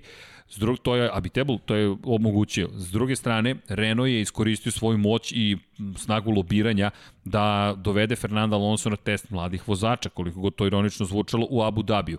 Dobio je ugovor na dve godine, dobio je veoma vredan ugovor. Abitable ga je zvao da pregovaraju i čekao njegov odgovor. To je, to je proces koji je dugo trajao, tako da logika, moja logika kaže da to Ist, nije isto slučaj. i moja, da ukoliko dođe neko i ko je blizak Fernando Alonso, mogli bismo da spekulišemo na tu temu. Ali David je to se- to nije. To nije. Nije definitivno. David je Brivio nije blizak ni sa kim od njih. Tako, ima Dejan još neka, ovaj, ajde da, da ispoštujemo njegova pitanja, kaže, on smatra da Renault pravi tim za 2022. godinu, da testiraju funkcionalnost istog od vozača, mehaničara, šefova uprave i da za, i da za 20 2022. idu na, na, na napad na titulu. Vaše mišljenje o tome. Interesantno. Šta ti misliš? Pa ja mislim da da idu sigurno po velike rezultate, a da li mogu na titulu, opet to je zaista te teško, teško reći da li je 2022. već ulazimo u nova pravila, Renault jeste ozbiljna ekipa, govorili smo o svim tim promenama koje su dogodile, godinama se dešavaju već i oni se stvarno popunjavaju svoje redove sa ozbiljnim, sa ozbiljnim ljudima, sa, sa, sa likovima koji, koji mogu da i tekako da naprave nešto što, što je šampionski proizvod. E sad, teško je zaista previdjeti. Ja verujem u projekat Renaulta, to se odavno izjasnio. Da li baš za šampionsku titulu, nisam siguran, ali Pazi, ti za si- jednu konstantnost, za, za vrhunski rezultat svakako da. Ajmo ovako, da, da pogledamo kada pričamo o ljudima. Nismo spomenjali dovoljno Peta Fraja, na primjer. Pa da, pa. Pet Fraj... Dirka Debera, recimo. de, Pet Fraj došao krajem 2019. Oba zajedno su došli Pet Fry i Dirk Deber. I, I ako pogledaš, pričamo dosta o, o Ricardu, ali od kada su stigli njih dvojica, kada Tako su je. stigla, Jedan od najboljih aerodinamiča na svetu, Dirk Deber. mi imamo 2020. koja je dosta drugačija. Peta Fraja Da. ne treba poceniti. Ma naravno. To, to je vrlo ozbiljan britanski inženjer, tako da Renault radi. E sad, š, ljudi, možete da uzmete kockicu, bilo koju kockicu za, i da bacite je ovako. I onda to da uzmete kao neki množilac, šta će se desiti u u, u 2020. Svaku ekipu bacite kockicu i pomnožite sa trenutnim rezultatima. Mi smo na tom nivou. Ne znamo ništa kada je reč o 2022. godini. Teško. Mi možemo da se vodimo onim što su istorijski rezultati, ali gde bih se ja vratio? Vratio bih se na velike promene pravila i video ko se tu najbolje snašao. Ono što je veliko pitanje da li će neko naći čuveni dvostrugi difuzor. Da li će neko naći takvu rupu u pravilniku da ćemo mi dobiti reprizu Brona iz 2009. Da, to se dešava jednom u 60, 70 godina, kako god želite, ali bukvalno smo na tom nivou. Da li neko u ovom trenutku je našao nešto što je rupa u pravilniku i rekao ovo ćemo da uradimo. Ili neko briljantno inženjersko rešenje koje je, na primjer, našao Mercedes kada govorimo o tome smo pričali kompresor turbina. Jedno od jednostavnih stvari zvuči kada izgovorimo, ali treba se toga setiti i primeniti to na vreme. Mi govorimo vrlo, vrlo kompleksnim, super svemirskim mašinama. Ovo je vrhunska tehnologija. Williams da. bolid je visoka tehnologija. Kako tehnologija ne? koju malo ko može da proizvede. Tako da 2022. je potpuna nepoznanica. Teško je predvijeti. E, ajde samo još nešto da ne Kaži, zaborim, naravno. pošto Dejan Andrić, pazi, imamo dva, imam dva identična da. pogleda na, na situaciju oko Luisa Hamiltona. Dejan Andrić i sad Dejan Tudorović koji piše Dejan Tudorović konkretno piše, kaže, postoji mogućnost da je kamen spoticanje Mercedesa i Hamiltona čak i Max Verstappen mogućnost Maxovog angažmana u Mercedesu od 2022. godine. To i Dejan Andris piše takođe da vidi Maxa Verstappena u Mercedesu 2022. godine. Interesantan pogled, pa moguće da ste u pravo obojice, zaista. Da, da, da se i tu negde krije Možda. E, razlog e, i dalje nedefinisanog statusa Luisa Hamiltona. Da, evo jedno pitanje, koji nam je e-mail? Evo ja ću sada da napišem. Vanja, izvini što otimam malo chat. Infinity Light, nadam se da će ovo proći. Nadam se, moram naučiti da nabavim. Lab76 at infinitylighthouse.com Tako da, da, dobro sam napisao. To ćemo i da pinujemo. Ukoliko želite da nam pišete, to je, to je e-mail. Šta mislite o Hamiltonu u McLarenu ako naprave tim za Formulu E, a Mercedes to ne uradi? Mm, povratak kući. Da. Još Ron Dennis da se vrati i, svi su tu. Svi su tu, da. Žurka. Pa zvuči dobro, zašto da ne? Ja sam bio mišljenja da će ići u Formulu E dok nisu počeli sad i ovi pregovori i odlasci velikih proizvođača iz Formule E, ali ovo s McLarenom, pri čemu je ono što je Lepa Motorsport rekao, da to sam zaboravio da napomenem, jeste i da smatra da Formula E mora da uradi mnogo toga za McLaren da bi iskoristila to što je McLaren izrazio želju da uđe. Jer i to je istovremeno spas i za Formulu, potencijalni spas i za Formulu 1. Tako da, dobro zvuči, moram da priznam, dobro zvuči. Inače imamo pozdrav od Smikija Bakija, popularnog sminjena oh, Banjca. Hvala Baki. Pozdrav za neumorne, pozdrav neumornim kolegama. Pozdrav Bakiju. E, Baki bi mogao da vidimo da li se ikad interesuo za automotosport. A Baki bi mogao svašta, nešto tu sam ja, da, da, nešto, nešto, da sam, mi, nešto sam i pričao sa njim, tako da nešto Opa. ćemo da pričamo sa. Dobro. Šta mislite o Maxu u Ferrariju? Pa isto što je o Maxu u Mercedesu postoji mogućnost velika. Mada je realnije mi nekako zvuči to Maxu Mercedesu, morati priznati. E, pa mislim da ako pričamo o budućnosti da bi pre to moglo o nekoj bude. bližoj da. budućnosti s obzirom na pozicije vozača na ugovore vozača na mladost ovih iz Ferrarija na godine Luisa Hamiltona na kvalitet Valterija Bottasa nekako logičnije zvuči Maxu Mercedesu nego Maxu Ferrari. Izvini, imamo ovde jedan komentar. Neki dan gledam F1 Civic, ako sam dobro razumeo. Dakle, ne znam dalje prezime ili Civic po Honda Civic, pozdrav. Neki dan gledam sport klub i utakmica druge Bundeslige, Paja komentator. Kad sam čuo Pajin glas, imao sam osjećaj da je Vettel to je nešto staro, to je nešto staro. Ali vjerojatno repriza. Ali ima čovjek osjećaj da. da je Vettel centarfor. Da. ali to jeste malo čudno kad čuješ. Pa jeste, da. da, kad čuješ, ali eto, Meni nije imaš čudno poziv. s obzirom da sam nekad igrao malo taj futbol, tako da. I šta da. si igrao, koju poziciju? E, devetka. O, izvini, nisam te devetka. prepoznao, ja sad... Mislim, sad... Stanite. sad sam... sad si devetka. Sad sam duga devetka. Da, Dominik Višnja pita, mislite li da ćemo 2022. gledati Campus Racing? Spominjali su se krajem 2019. za ulazak u 2021. Ništa od toga vaše ni mišljenje. Pretpostavljam Campus Racing iz perspektive Formule 1, ali mislim da su, da su šanse gotovo nepostojeće. Ljudi, veoma, veoma, veoma teško. I na... ništa u skorije vreme ne računite na, na, na, na neke novitete kada su timovi pitanje. Ja ne vidim da će to se Pa to da, desiti. skoro neće Zaista sigurno. ne vidim da će se to desiti. Inače, Maja Žilić, pozdrav za Maju, teško titula sa Okonom iz perspektive Renaulta. Pa Okon jeste ozbiljan znak pitanja. Jeste. Pa rekli smo, iz 2021. krucijalna za, za Esteban Okona. Možda bude veter u leđe ta, to drugo mesto. Znaš šta možda bude veter u leđe? Fernando Alonso možda bude veter u leđe, kako god vam to zvučalo. Mi postavljamo stvari kao da će Fernando Alonso sada sedne u taj Renault i on će sam da se vozi i on će da dođe do, do, do onih najboljih rezultata. Ja nisam u to siguran, evo, moram da priznam. Ne zato što ne poštujem Fernando, ja ga, mnogo ga poštujem, ali veliku pauzu je napravio. Čovjek ima 40 godina, zaboravite, ima 40 godina. Ima, ima ogromno osustvo iz ovog šampionata. Dolazi u nešto što je e, njemu i poznato i nije poznato. Tako da imam zaista onako ogradu jednu veliku kada govorimo o tome e, kakva je budućnost e, Renaulta sa Fernandom Alonso. Mislim da je postavio visoke onako zahteve Daniel Ricardo prošle godine.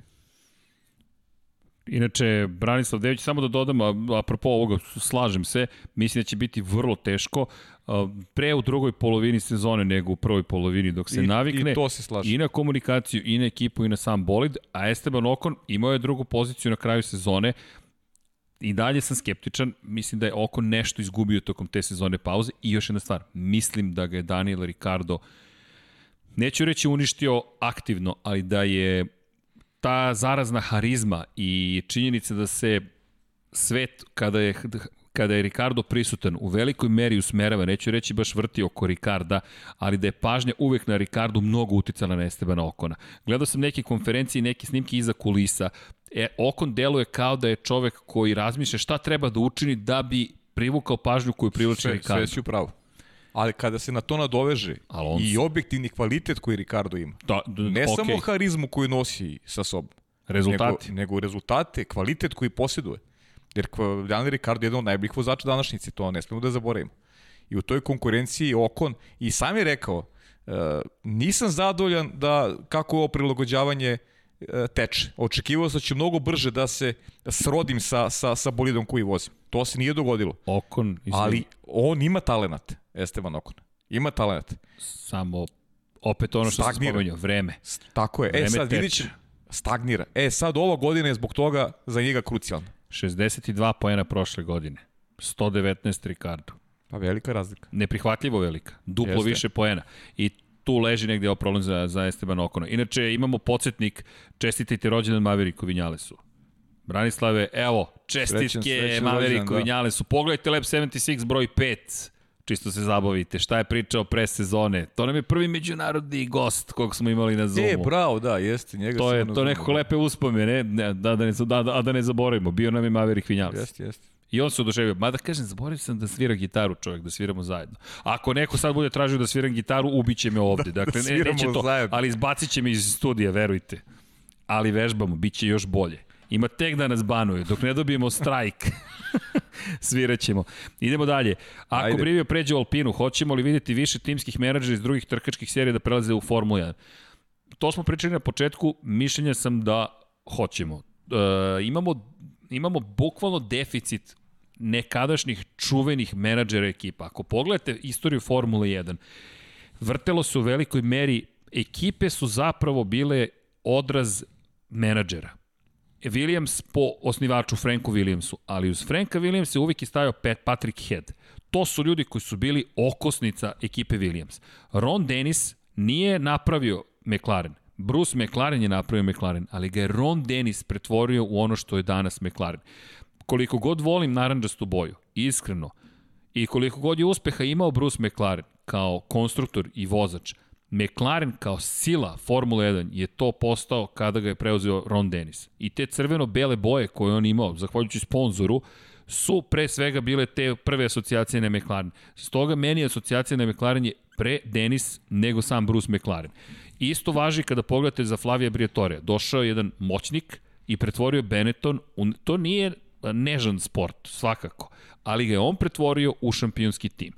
Kada je reč o Ferrariju, dok nije Di Montecemolo našao Žana Toda, pa Rosa Brona i onda formirao ekipu koja stoji iza jednog velikog Mihaela Šumahera koji je bio šlag na tortu, nije bilo uspeha. Stalno se vraćamo ka velikim šefovima timova. Christian Horner, kada je preuzeo, bio je klinac. On je ljudi jedva imao 30 godina kada je preuzeo upravljanje cijelim timom Formula 1.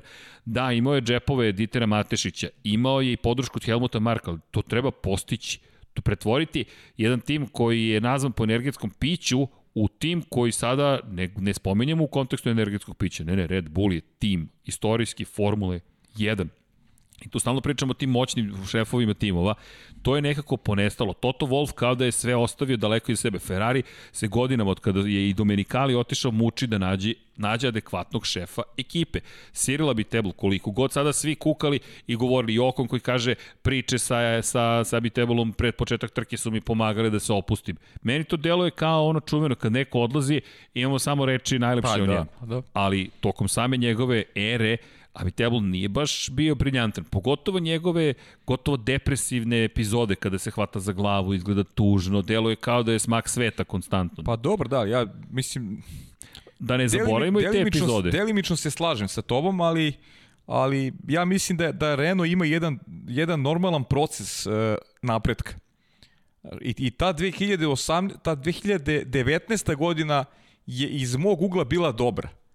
Jer uh, Renault je na uštrb uh, rada na agregatu imao česte, na uštrb brzine, je imao česte probleme tokom trka. A to je bio deo ulaganja. O, on, oni su ulagali. Ulagali, ulagali. Tražili su najbolje moguće. Uh, imali su luksu sebi da dozvole da možda rezultati u nekom trenutku ne budu dobri. Ali su se konstantno usavršavali i došlo je, uh, ova prošla godina je pokazati da je taj projekat Renault sa, i sa, sa Cyrilom na čelu bio dobar. Da je suštinski bio dobar. Da su oni uradili dobre, dobre stvari. E, tri podijuma za prošlu godinu, mislim da je to Sređeni, rekli smo u najavi da očekujemo Renault na podijumu 2020. godine. Ti jesi. Dogodilo se Ti tri jesi. puta, nije jednom, nego tri puta. Ali ovo je više bilo iz perspektive tog pitanja da li će dolaziti iz drugih zapravo serija novi okay, menadžeri. da, to, to možemo da očekujemo. To, to, da. to da, e, ne, ne kritikujem toliko samo ga bi trebalo, već poredim samo kako su stvari funkcionisale. Kada ga poredim na tasu sa jednim Briatorijom koji je takođe vodio Renault, to su te stvari koje nekako nedostaju. Ne da ja bi trebalo nužno bio loš, Znaš kako, možemo... ali da mu je nedostajalo da. to da bude vrhunski. Kad, kad vreme prođe, kad neko vreme prođe, onda možemo realno da sagledamo šta su šta su ljudi radili, kako se ponašali da da određen projekat bude uh, u budućnosti bolji. A iz tog ugla rekao bih da je Renault radio kvalitetne stvari. Znaš, ta 2019. godina rezultatski smo je tumačili kao lošiju. Ali sve što je Renault uradio u, u nekom u smislu napretka i onoga što je došlo kao, kao proizvod 2020. godini je pokazati da su imali jasnu viziju. Da su znali šta rade, pravili grešku, ok, grešimo, ali testiramo, radimo na tome da budemo bolji. I kad se sve sabere sada, ta analizira, kažem, ta 2019. i 20. E, za očekivati je da u 2021. dožive onako jednu onako jedan preporod, kažem, meni je mnogo žao što, što na čelu tog projek, projekta neće biti Ricardo kao vozač, strašno mi je žao jer smatram da je on najzaslužniji što je Renault došao da pričamo o njima e, na, na taj neki, da kažem, ozbiljan ili mnogo ozbiljniji način nego što je bio slučaj ranije imamo tu Alonsa kao velikog vozača, ali rekao sam, kako se odrazio na oko na taj izostanak godinu dana, kako će se neko ko ima, ne, opet ponavljam, 40 godina, to nisu male godine, pogotovo za neko ko pravi pauzu, kako će se on adaptirati, znači to je veliki znak pitanja.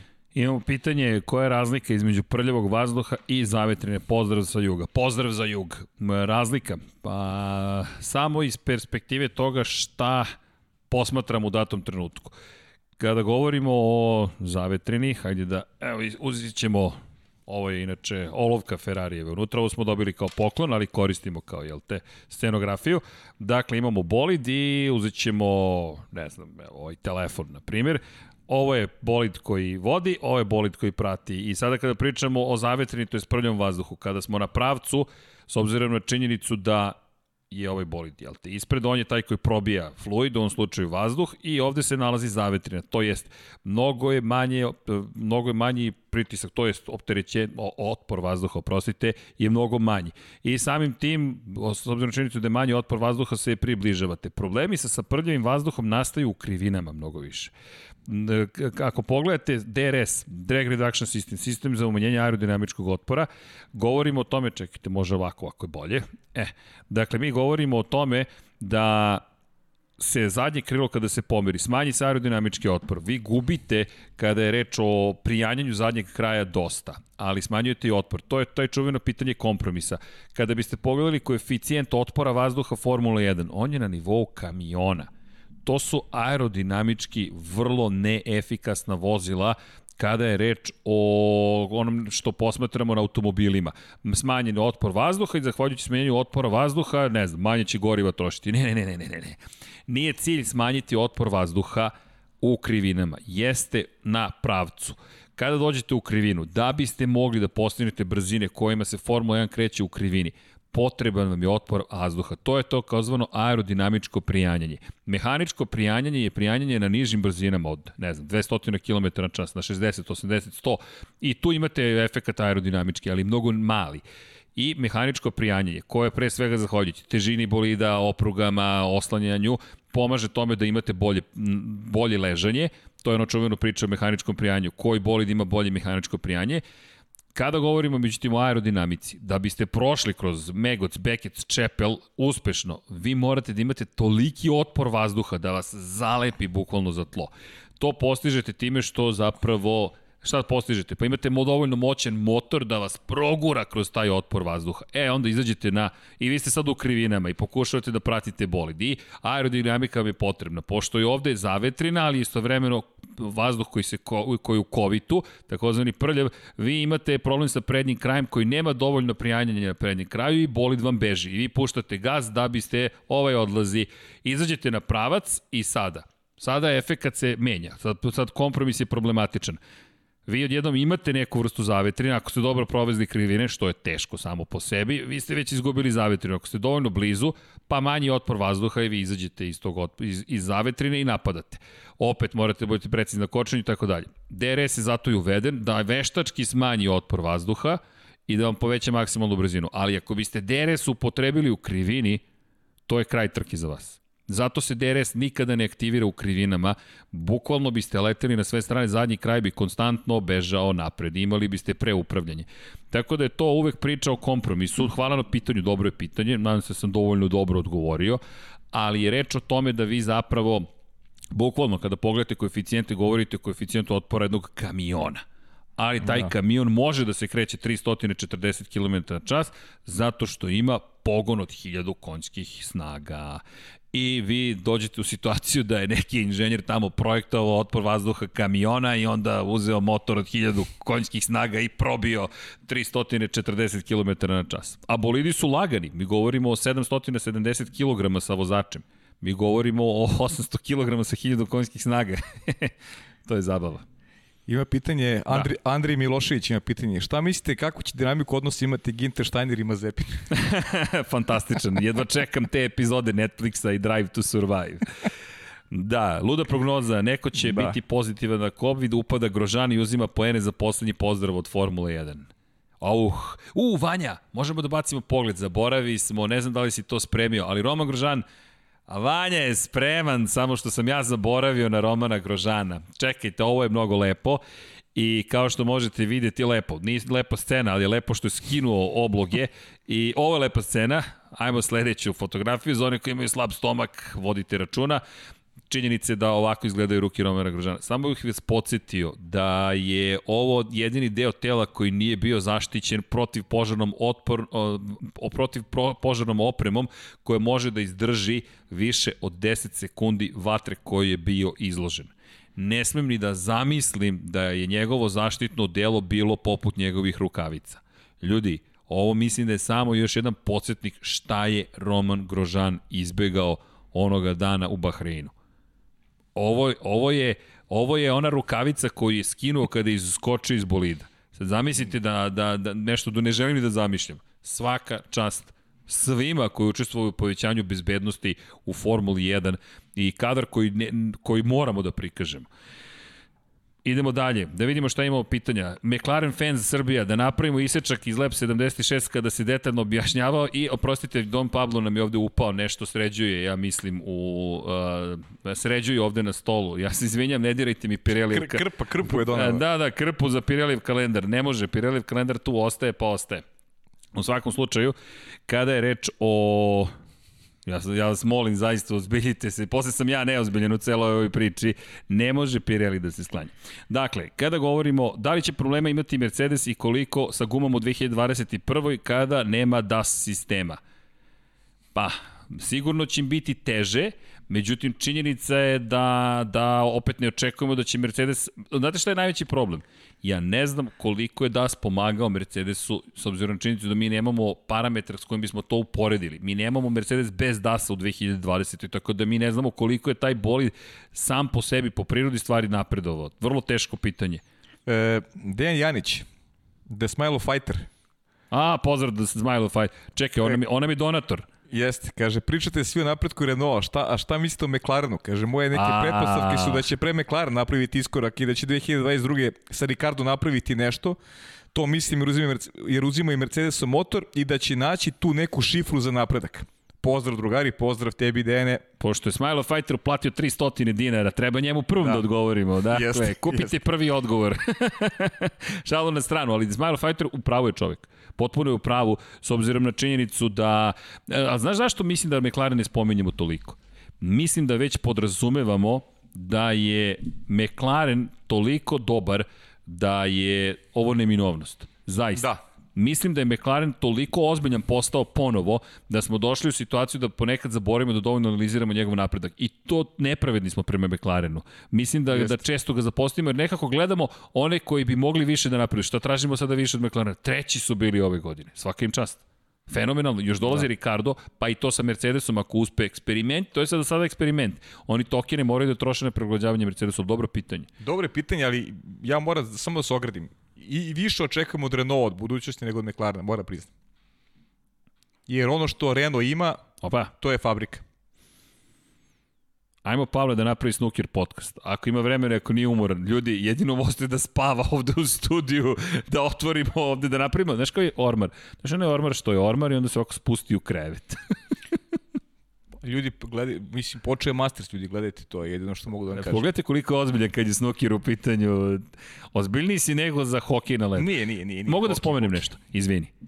Sreda, 23 časa i 30 minuta. Ljudi, pozivam vas, ako gledate ovo u nekom kasnijem terminu, to je 13. januar 2021. godine. Moje drage kolege, Predrag Jurišević Žule i Pavle Živković će voditi prvu utakmicu NHL-a posle duže vremena na kanalima Sport kluba. Da, sutra počne sezona, tako da... Svaka vam čast. Svaka vam čast. Tako, tako sam i počeo na, na sport klubu. Da. Je to to bio prvi prenos? Pa da, sa žuletom hokej. Da, to je, to je, ja sam sa žuletom počeo da, NFL, NHL, da. a mene je pozvao u NFL. Da. Žule je kralj Žule je američkih tkivo, sportova. Vezivno tkivo za ovaj, mnogi ovaj... Jeste na sport klub. Jeste, danas sam baš probao dan sa Žuletom. A i to ćemo pričati, sprema, sprema novu emisiju. Eto, lepo. U studiju na kraju univerzuma. Lepo. Pričat ćemo vam o tome kada bude sve spremno. GP Balkanci ima predlog za kraj podcasta, postavljamo mimove koje ćemo mi slati na SKF1 na Twitteru sad ste nas bunili, koje mimove, neke naše mimove ili, ili Nisam razumeo. Generalno. To je iz ovog sveta digitala, to je... To je tvoj svet. to je neka druga. Kaže, Spaja se smorio kao velika nagrada Francuske. e, danas sam nešto, danas sam, da, danas sam ovaj... Teo sam da prebacujemo za sutra, realno. Nešto sam pričao srđenu. Dobro sam, okej okay sam. Da, evo, meni kaže da volim da pričam o aerodinamici, ali kaže dajte da vidimo kadar dok Srđan ovo priča. Šta biste videli, potonuo je čovek u stolici i misli se kada će ovo da se završi. Ne, ne, ne, ne nije, nije, nije tako. Šalu na stranu. Da, pitanje, Srki, ako maknu MGH iz bolida i smanje troškove, možemo očekivati više proizvođača ekipa na gridu, BMW, Audi ili tako nešto? Ja mislim da možemo. Mislim da možemo, čak ne ni samo te proizvođače. E, interesantna će biti ta priča koja se otvara kada je reč o proizvođačima. Imamo pet godina do tada, čekamo svi da vidimo kako će se svet dalje razvijati. Dalje baš MGUH taj koji je problematičan, ne znam, ali o tome se zaista dosta priča da je to jedan od najćih problema zbog kojih ne ulaze proizvođači. Nadam se iskreno da će ih biti više, ali ja bih, ja bih čak tipao da će biti tu i drugih. Nemojte zaboraviti Ford. Ljudi, Ford je veliki deo istorije Formule 1. I onaj Benetton što ste spominjali malo pre, nemojmo zaboraviti, to je Benetton Ford V8 koji je u V10 eri pa i V12 eri, Ferrari tada još uvek koristio 12-cilindrične motore, uspeo da odnese pobedu. Benetton V8 protiv moćnog Renaulta V10. I Ford, iako danas deluje gotovo zaboravljeno, ali to je poslednja titula koliko ja znam osvojena sa Fordovim motorom, Jest. to je ozbiljan proizvođač bio i ostao, Da, snašle su ga neke druge godine iz perspektive američke autoindustrije, ali bez obzira na sve to i Ford je počeo da ulazi u hibridne pogone sa nekim zakašnjenjem očigledno, ali ja bih očekivao da Ford u jednom trenutku ponovo kaže čekaj, čekaj, ne zaboravimo Formulu 1. Naravno, to su možda samo moje nadanje, ali mislim da treba gledati i Ford. Ja, ja, sam, ja sam ubeđen da si u pravu. Kad pogledamo istoriju Forda i izazove koji se vi postavljali tokom, tokom, tokom istorije za očekivati je da će, da će napraviti tu vrstu iskoraka i da će oni poželiti da, da se nađu tamo gde je epicentar zbivanja, to je, a to je Formula 1. Ja ih zaista očekujem, ali to je neko vreme, neki period od nekih deseta godina, ne verujem da možemo da očekujemo tako nešto. To je to, 2026. je prva, prva godina kada bismo realno mogli nešto da očekujemo. Da. Ej, slušaj ovo pitanje, ko je vaš savršen idealni tim? Ko bi vam bili vozači, a ko šef ekipe? Aha, savršen idealni tim. Da. Dobro pitanje. Odlično pitanje. Šef tima sigurno Ron Dennis, to... E da, da, hoćemo istorijski ili iz ove sada? Aha, ajde, to je sve pitanje. Da, Ajmo istorijski za ovu godinu. Šta misliš? Pa istorijski Denis i Ron Denis i vozači. Da. Ayrton Senna i Sandro Nani. I Alan Prost. Sandro Nani.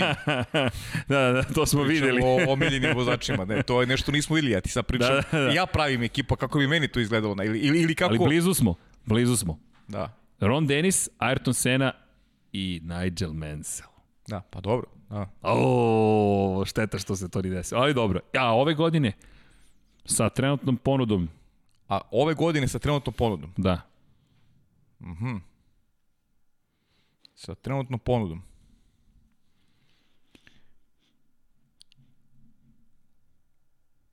Pa ovako, ovako ću reći. Vozači Lewis Hamilton i Max Verstappen. A šef ekipe šef ekipe Christian Horner. Ok. Ja bih izabrao Charles Leclerc i Luisa Hamiltona i stavio bih Andreasa Zajdla. Ok. Ok, Zajdl, Zajdl, ja mislim da je Zajdl jedan od najvažnijih likova u Formuli 1. Šta još imamo? To smo odgovorili. Da li je Okon i dalje pod patronatom Tota Wolfa? Pa, sad. Ne, ne bi trebalo da bude. Da, sad. To je, to je odlično pitanje, Pravno, ali čudne su da veze. Bude, ali. to je odlično pitanje. Mislim da postoji uvek konekcija. Da, čujte, to je ona čuvena priča o padoku. Vi se krećete u zoni, srećete svakoga dana neke ljude i možda nije ugovor, niste vezani, ali neko vam je drag, do nekog vam je stalo, pa onda okrenete telefon, pa vas neko pita šta vi mislite.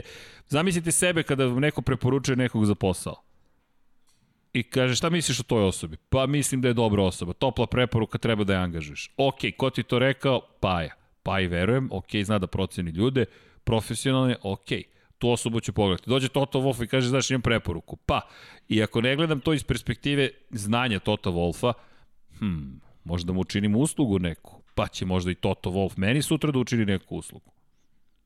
Svet tako funkcioniše u, i u Formuli 1, ne samo u među svima nama. Jer prosto verujete nekome koga poznajete. Pozdrav za Radivojevića, Radivojevića, kaže Srle Paju, najnovi vesti iz Formule 2, Džehan Daruvala pozitivan na koronu.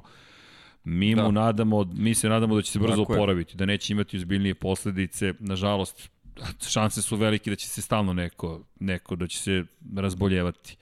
E, pitanje kada smo pričali o Briviju, ne znamo tačan minut, beše. ali na samom početku. Šta još imamo? Uh, mnogo pitanja. Kad može Alfa da. Romeo? E, da, jedno pitanje. E, pitanje je sledeće. a to je, a to je, a to je, samo da vidimo gde je bilo pitanje, sad mi pobeže. Samo džipove, nema njih, barem, kaže Ford prestaje da pravi auto, samo džipove, nema njih u Formula 1 barem 300 godina. Pa, ja bih želeo da verujem da će se u Fordu pojaviti ta sportska crta u jednom trenutku. Čujte, nije samo da... Ok, ali, znate, to su ljudi koji su GT napravili i tako Just. dalje. Ne znam, možda sam ja samo sanjar, ali nadam se, vidjet ćemo. Vidjet ćemo... Svašta nešto je Ford napravio. Da, kažu idu s kontrasmeru od sporta poput Honda. Pa i sada, i sada kad vidimo recimo u, u, u Naskaru kakav iskorak su napravili u odnosu na, na sezone kada smo mi počeli da pratimo NASCAR. Ford je sada vrlo ozbiljan vrlo ozbiljan e, u tom šampionatu, u toj seriji imao je recimo NASCAR-u tri vozača u, u završnoj trci, što je, što je fantastično. Tačnije dva, izvinjao se. Kad smo već kod pitanja Okora i Wolfa, zašto je Formula 1 jedini sport u kojem je sukob interesa legalan? Wolf ima, puno veze, ima veze u puno timova s puno vozači, neke od druge osobe takođe. E, to je već možda pitanje za Bernie da. Eccleston, yes. koji je definisao kulturu Formule 1. Prav, to, to je možda za pitanje za pravnike. da, da, da, da. Da, da, zatim, Formula ima ogroman problem što se tiče proizvođača motora. Ima Darko, ali nadamo se da će se stvari nekako promeniti. Im pitanje za tebe, kakav sad Horner, gde je Ross Brown u toj priči? Ali rekli smo samo oni ne, koji ne, su ne. dostupni trenutno. Da, da, dostupni trenutno. Da. Zajdel McLaren, evo dobio je tri srca. Pozdrav Srki, pišem ti dugo na Instagramu, de, izvinite, trenutno sam, e, a trenutno sam inkomunikado na društvenim mrežama. O, pokušavamo da složimo sve. E, međusezona, ja mislim da je kao, sa nama kao sa timovima Formule 1. Mi toliko toga, po... čujte, rotoskopiju pravimo ovde u studiju i to će biti crno, zeleno, belo, platno tamo s druge strane i sve to treba napraviti. To cijela radi ovde malo, mala odobrana ekipa, majice treba da se završe, treba da se završe društvene mreže, kupili smo domene 99yardi.rs.com i tačka ne znam šta sve, ne, tačka me itd. itd. itd. U svakom slučaju, pojenta je da radimo dosta toga, tako da ne zamerite, ja se nadam da ću stići da odgovorim na sva pitanja, a zaista nemam nameru da sada angažujem nekoga da odgovara na moje društvene mreže. To bi bilo bizarno. Ja bih se osjećao bizarno, zaista, koliko god da stiže pop... Evo, javlja se Dom Pablo, ne, ne, ne, ne, ti nećeš odgovarati na pitanja na društvenim mrežama. Ne, ne, ne, ne, ne. Pita Dejan, da li očekujemo da Haas odi iz Forma 1 u nekoj bliskoj budućnosti i da li možda vidite više bolida od 20. u gridu 2022. Više ne od 2022. A ovaj odlazak Hasa definitivno je moguć u bliskoj budućnosti zaista. Mada sad kako su vezani za Ferrari malo više ja, to sam htio da ti kažem. za Ferrari malo menje percepciju gledanja u odnosu na, na pre neki mesec, tako da Mislim da možda će... ih Ferrari, Ferrari ih zadrži u, pod svojim okriljem, dokle god budu pod okriljem Ferrarija imaju budućnost. Da, verujem da, da si sve rekao. Ako pogledate prave novo, nije sedište, ali prave neku vrstu štaba ipak u Maranelu za Haas, mislim da nam to dovoljno govori o, o planovima koje imaju za ekipu Haasa. Nemojte zaboraviti jednu vrlo važnu stvar o kojoj ne pričamo dovoljno. Koje je tržište koje je, ako ne prvo najveće, drugo najveće za Ferrari, godinama je bilo najveće tržište za prodaju Ferrarijevih automobila i gde je robna marka Ferrarija i tekako zastupljena, Sjedinjene američke države. Ta konekcija ne sme biti zapostavljena ni na koji način. Ukoliko bi Haas nekako mogao da, da dovede do te veze u Americi, mislim da to isto može da bude veoma interesantno. Dejan Andrić ima za tebe pitanje da. sad. E, je li čuo srđan da je FBI ušao u Ducati USA zbog da. te poreza? Jeste, u Kaliforniji su upali u Ducati, ali ne zna se još uvek zašto, trenutno je istraga u toku i naše kolege, nisam siguran da, da li je Asphalt and, Asphalt and Rubber, uh, pogledajte taj website, fantastičan je, Asphalt and Rubber, oni su kontaktirali FBI, tražili su informaciju o tome šta se događa u Ducatiju, rekli su FBI je odgovorio da je ne mogu da odgovore s obzirom na činjenicu da je istraga u toku. Eto, Dene, nema toga što Srđan nije čuo, tako da znaš. Da, da, nadam se. Da, ali da, to, to, to pratim vrlo pomno s obzirom na činjenicu da je, da je ozbiljna, da je potencijalno ozbiljna priča u pitanju. Da li može do pobede McLaren? Može. Može. Može ja dižem dva prsta. Da, Dino Beganović je slobodan, sada vozi u regionalnom šampionatu Azije, imate šansu za intervju. Branislave, e, menadžer njegov je rekao da treba samo da se, da se javimo, dogovorimo. Hvala Harisu Mrkonji na pomoći da, da stupimo u kontakt. Mi smo čekali preko Ferrarija i njegove akademije, međutim, bukvalno je presekao sve administrativne probleme i direktno nas uputio na menadžera, tako da, hvala. Hoće li biti nešto od one lige F1 2020 što si spominjao? 2002, aha, liga, e, hoće, bit će liga, sad samo da pohvatamo kako ćemo da, e, fantazi ili vožnja, samo da vidim smeje mi se Dom Pablo, pošto imamo nekoliko liga. Fantazi će biti, bio je ove godine i nadam se da ćemo uspeti da organizujemo vožnju i nekoliko da. trka Da, da ne zaboravimo komentarisanje e-sports događaja. Da, i kad smo kod toga F1 e-sport Balkan, pozdrav za momke i na ovo pitanje ću da vam odgovorim ovaj, kasnije. Da, ima... Ne, neko... ne, ne uživo, nego posjeću vam poruku. Inače, pitanje, da Maja pita, da li Williams može biti bolje od Alfa Romeo i Hasa već u 2020. E, izvini, nisam čuo. Da li Williams može da bude bolji od Hasa i Alfa Romeo? Ne, ne vero.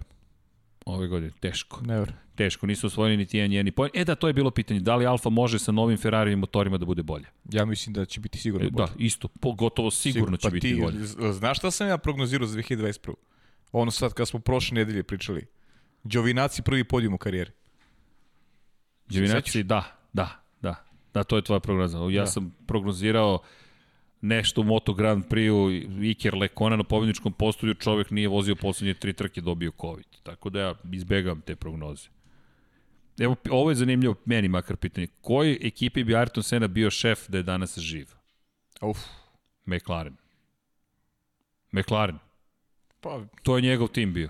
McLaren. Setite se kada je odlazio, Ron Dennis je rekao ovo je samo pauza. Ovo je samo pauza.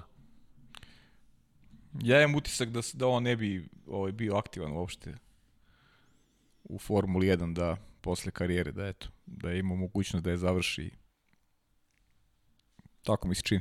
I menjam ono, da, zaista, podsjetio me. Rekao sam, šta si, ja sam rekao Ron Dennis. Ne, Ross Brown, naravno. To je moj idealni šef. Zaborio sam Rossa Brona. Dobra korekcija je bila. Nije aktuelna, ali u istorijskom smislu Ross Brown je, da, šef ekipe. Hvala.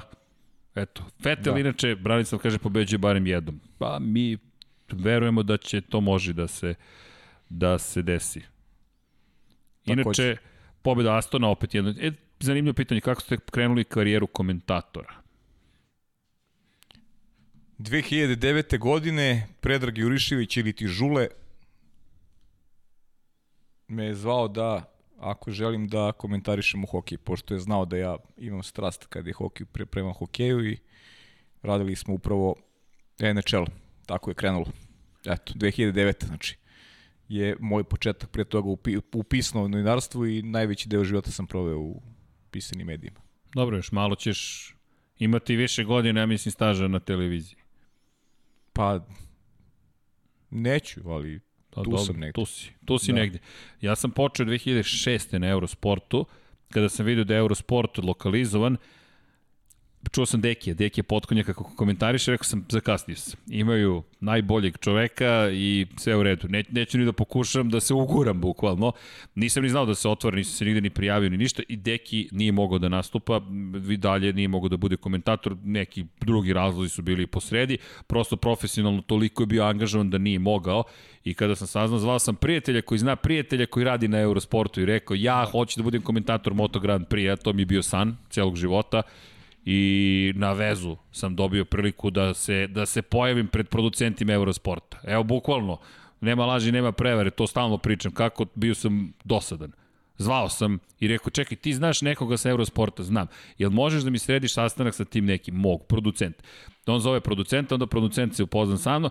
E, ko si ti? Rekao, ja, ja u to vreme radim u marketičkoj agenciji. Nema, nije prestava karijera je stala u tom trenutku. Radio sam u sportskom žurnalu, kao što znaš, ta, tamo kao smo se... Kao što tamo, sam ja, da, tamo smo počeli. počeli. Jeste 95, 96, pa u politici 6, 7, 8, 9 u sportskoj rubrici, pa sam onda otišao nekim svojim putem, pa sam 2000. počeo da pišem za Sport klub magazin, povremeno sam bio kod Đorđe Đenića, pozdrav za Đorđe Đenića. E, on me prvi zvao na televiziju, Đorđe Đenić u njegov njegovu emisiju, kod njega sam gostovao redovno, ali nekako nisam otišao ponovo putem novinarstva, povremeno sam nešto pitao i 2006. kada se pojavio sport sam zvao prijatelja koji zna prijatelja koji zna prijatelja i prijatelj rekao imaš dobar glas, mogu bi da probam. Katastrofalan prvi prenos, katastrofalan prvi prenos, bukvalno je čovek rekao posle tog prenosa, moja mama je rekla nije bilo loše. E, toliko je bilo loše. Katrin Leg je imala onaj stravični incident, trka u kojoj ja očekujem sada to da će podrška biti urednik, producent, drugi komentator, ne, neko, ne, stave vas u kabinu i kaže komentariši. I to bi bilo to. I Katrin Leg srećom preživela, bez povreda se okrene na glavački, svi su mislili nažalost da je najgore prošla. To je moj prvi prenos, katastrofa. Ja sam čutao od 4 sata, neverovatno, ali istinito, čutao sam 2. Da, da, to niko ne može danas da veruje, ali sam čutao i zvao sam da pitam šta misle o mom prenosu, rekao mi Pixi... Ko ne može da veruje? Da, to da sam čutao. I Aha. Pixi je rekao, videli smo šta možeš, javit ćemo ti se. Don't call us, we'll call you. Srećom nisu nikoga našli za drugu trku Champ Kara i spremao sam se. I rekao sam samo još jednu šansu mi dajte. Da. I dali su mi šansu. Eto tako, eto bukvalno tako, tako da budite uporni, zovite prijatelje, budite dosadni i jeste se javili Paj za komentarisanje Ok, jedan, samo, samo, samo jedan, jedan samo jedan Eto poziv. imate priliku, ne trebamo čak ni veza, Lab 76 vam je veza. Evo i pozdrav iz Bosne i Hercegovine, Jelena Čaraba nas pita e, šta ako je Honda rekla, u redu ostajemo pri Formuli 1, a ako F1 bude vozio neko iz Japana, čita Yuki Tsunoda. Pozdrav iz Japana. E, ne, ne, ne, pozdrav iz Bosne i Hercegovine. Bosne i izvini, ja sam čuo Japan. A, da, pozdrav iz Bosne i Hercegovine. Pozdrav za Bosnu i Hercegovinu šta ako je Honda rekla ostajem u Formu 1 ako bude vozio neko iz Japana? Neće ostati sigurno. Ljudi, to je odluka koja je doneta na tako visokom nivou da bi to bio tektonski poremećaj na berzi. Mi sada pričamo o o, o reputaciji Honda i ne pričamo o nekom hoću, neću momentu. Ne, ne. Oni su se sada povukli i nema nazad. Barem pet godina ne mogu da pričaju ponovo o tome. Jer ta odluka je doveden, donesena na nivou korporacije. Znate ono čuvenu priču kad pričaju startupima, o, o malim kompanijama koje brzo menjaju svoj smer. To je zato što te kompanije još uvijek nemaju stečenu reputaciju. Nisu kompanije koje su u javnom domenu, dakle nisu publicly traded companies. Šta znači javna kompanija? To nije državna kompanija. To je kompanija koja je na berzi i javnosti je dostupna. Jedna od stvari koje vi morate da uradite kada ste javna kompanija je da otkrivate sve informacije podjednako prema svima. Konkretno, čak i ako je nešto poslovna tajna, ne može niko iz upravnog odbora, na primjer, da podeli to sa svojim prijateljima, to je direktno kršenje berzanskih prava, to je berzanskih obaveza i zakona kazne su ogromne. Tako da da bi korporacija nešto usvojila i dogovorila se, to je toliko spor proces da svi žele da imaju te male startupe koje sutra možete i da otpustite ukoliko projekat ne uspe, ali point kada su mali, mali su iz neke naše perspektive pojedinaca, međutim startup može da ima i ne znam 50 miliona dolara početnog kapitala. Zašto? Pa neko je stao iza tog startupa, nama to deluje, uspeli su u životu, sve je završeno, ali ne, to je tek početak priče. Tako da Honda sigurno se neće vratiti. Svakako Yuki Tsunoda ne, nema, nije, nije dovoljno bitan. Ne Juki, ni jedan vozač na svetu nije dovoljno bitan da bi povukli tu vrstu odluke. To su milijarde u pitanju i kompletna reputacija i to, to se sigurno, nažalost, neće dogoditi. Makar ne u narednih pet, ko zna koliko još godina. Ali vidjet ćemo tada šta će se možda desiti, ali mi se nadamo da će nekako naći način da, da ostanu kroz tu kupovinu, to je prodaju svoje intelektualne svojine Red Bullu. Nadam se da smo odgovorili Srki, pitanje je da li je sutra live MotoGP sa Dekim. Nije sa Dekim, bit će sa gospodinom Aleksandrom Đankićem, ali ćemo pričati o Moto Grand Prix, oporavio nam se. E, šta smo imali još ovde pitanja? Već, već, Red Bull već sarađuje sa BMW-om u DTM-u gde ima dima, ima i vatre. Da, bit će, e, Alex Albon odlazi u DTM, to smo pričali u prethodnoj emisiji, nastupaće, mi mislimo da je to korak unazad u njegovoj karijeri.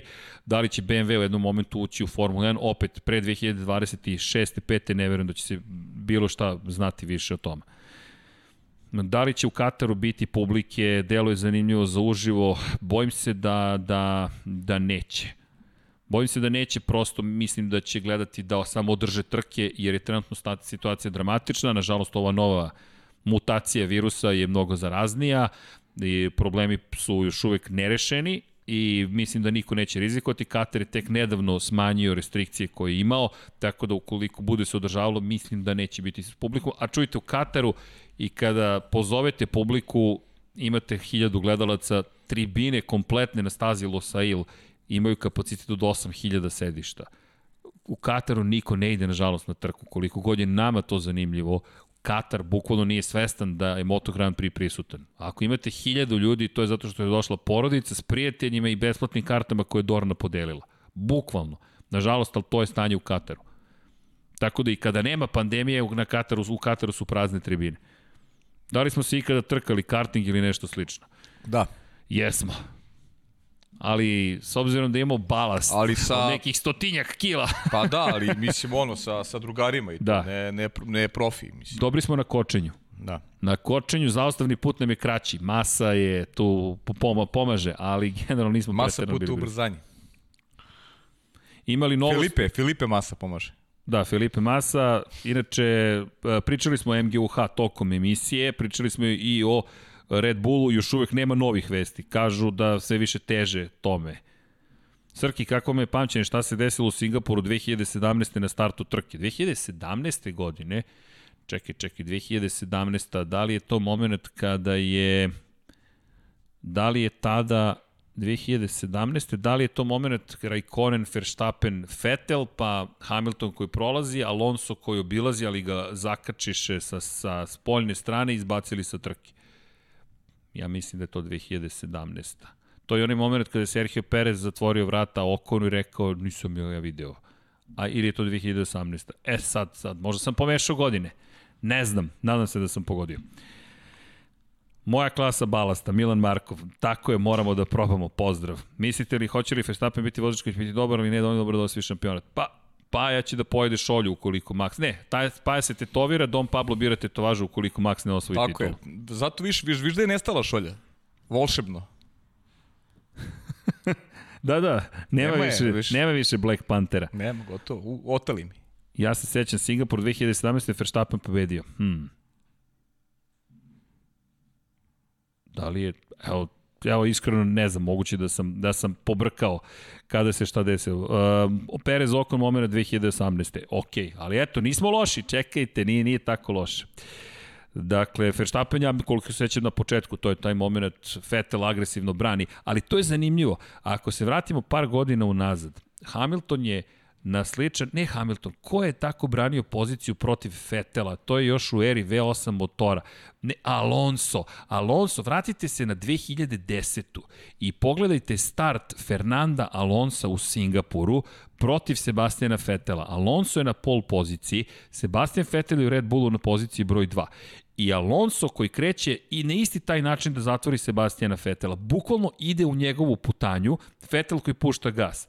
Sad, to, to sam pomislio pre neki dan, baš sam gledao, zašto nemam pajma, gledao sam trku iz 2010. Imao sam slobodnog vremena, šta radite kad imate slobodno vremena, gledate stare trke Formula 1. I šta se desilo? E, to je potez iz 2010. Jedna od najboljih trka Fernanda Alonso koji je zahvaljujući toj trci ostao u igri da osvoji titulu šampiona sveta sedam dakle, godina kasnije moguće da je Vettel zato išao tako agresivno jer je njemu to učinjeno. Hmm, ko zna, eto, teorija. Idemo dalje. Zašto je Yuki Tsunoda dobio mesto ako će Honda svakako povući, pita Darko Adamović. Zato što još uvek postoji igra kada je reč o prodaji intelektualne svojine. Dakle, Yuki Tsunoda je i dalje potencijalni igrač u toj priči da se nastavi saradnja između Honda i Red Bulla i moguće da će Red Bull zato dobiti uopšte neke mogućnosti ili veću podršku zato što će jedan japanski vozač biti zapravo u Formuli 1. Ali da ostanu u Formuli 1 to se sigurno neće desiti. Alonso Vettel 2010. razlika samo dve desetinke na kraju. Tako je, to je najmanja razlika na kraju trke u Singapuru. A glava još uvek radi, yes. Zašto svašta čitam ja. Zašto na Sport Club, na Sport Club YouTube kanalu nema F1 klipova, a Moto Grand Prix ima? Mislim da nam se odgovor jasno nameće da. šta piše u ugovoru i koliko je taj ugovor, što bi rekao Don Pablo, unosan, pretpostavljam. To ne znamo, ali to je moja pretpostavka ovako sa strane. A Red Bull ponovo sa novim motorima, evo jedan, jedan Baba Vanga komentar. Red Bull ponovo sa Renault. Opet Andri Milošević. Pa ako budu morali. Ako budu morali, na kraju će morati. Renault je dužan po pravilniku da im da motore ukoliko ne budu imali nijedne druge motore. Tako da to nije... Dobro. Nije nemoguće. Čekaj da vidim još šta ima ovde. Who is the best? Stvarno mnogo. Da, sutra nam dolazi. Ima mnogo pitanja, ne, ne mogu da... Da, da, nevjerovatno, stvarno. Pitanje za obojicu. A, a znaš ti mi ima mnogo konstatacija, znaš. Jeste. E, da, čekaj, čekaj, Veljko Vujić. Šta mislite, koji su motivi Alonso u Renaultu? Titula ili novca radi da razvija bolid za budućnost?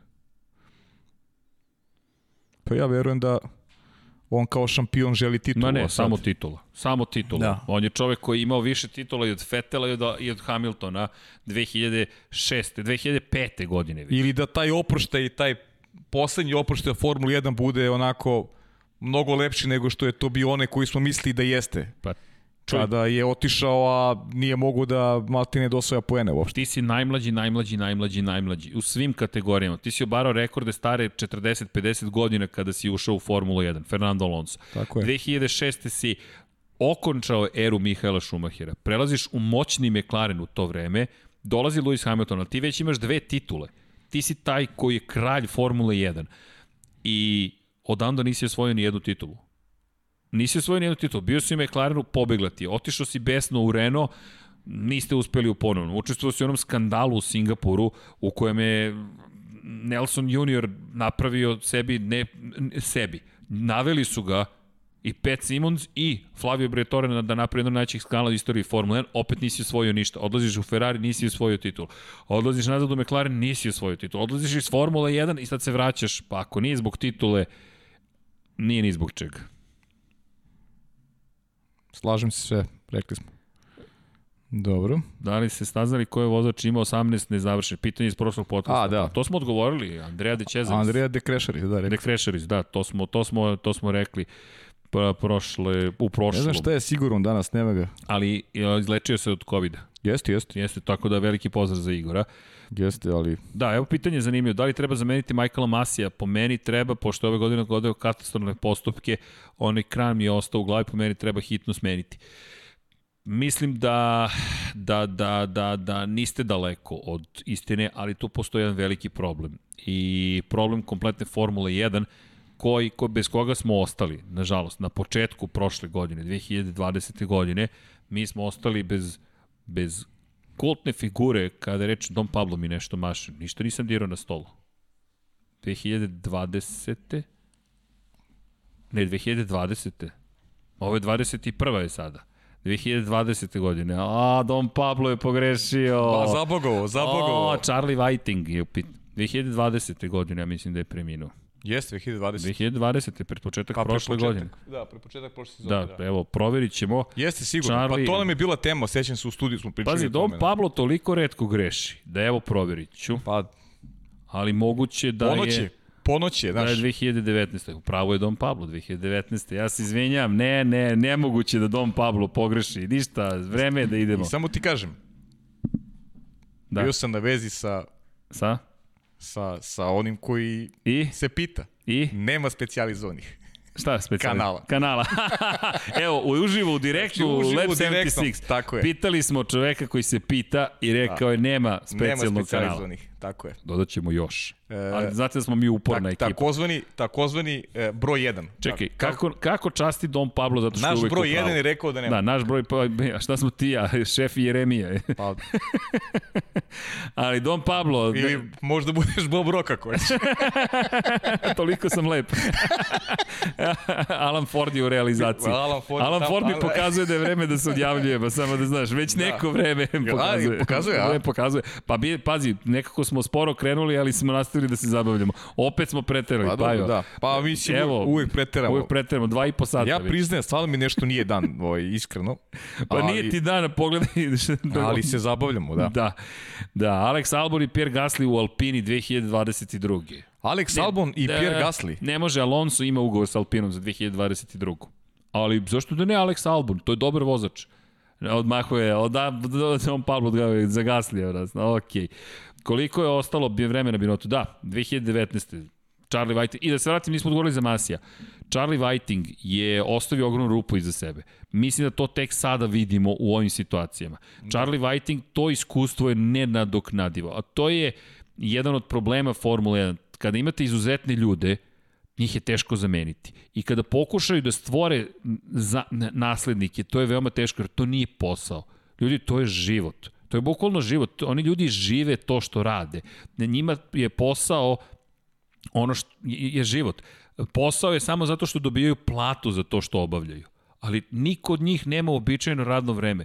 Ni, niko. Niko od njih ne radi 9 do 5. Ne kažem ni da je dobro ni da je loše, samo ti ljudi posvećuju život. To možemo da imamo kroz celu istoriju sporta. Uspešni treneri, ljudi koji, igrači, ljudi koji su agenti. To je jedan pomalo hollywoodski stil života. Nema tačno vreme kada se ustaje, nema tačno vreme kada se leže. Stalno nešto radite, pa stalno dobijate pitanje, a kada ćeš prestati da radiš? Nikada. To je život. To, to je bukvalno život. Tako da Charlie Whiting teško mogu da stvori. Nisam siguran da Michael Masi živi kao Charlie Whiting Formulu 1 i da je to teško napraviti takvu pa vrstu pa, dobro. čoveka. Jednog dana će možda neko kao ti ja da priča o Michael Masiju, tako da... Ko zna, nadam da se, je, naš... nadam se.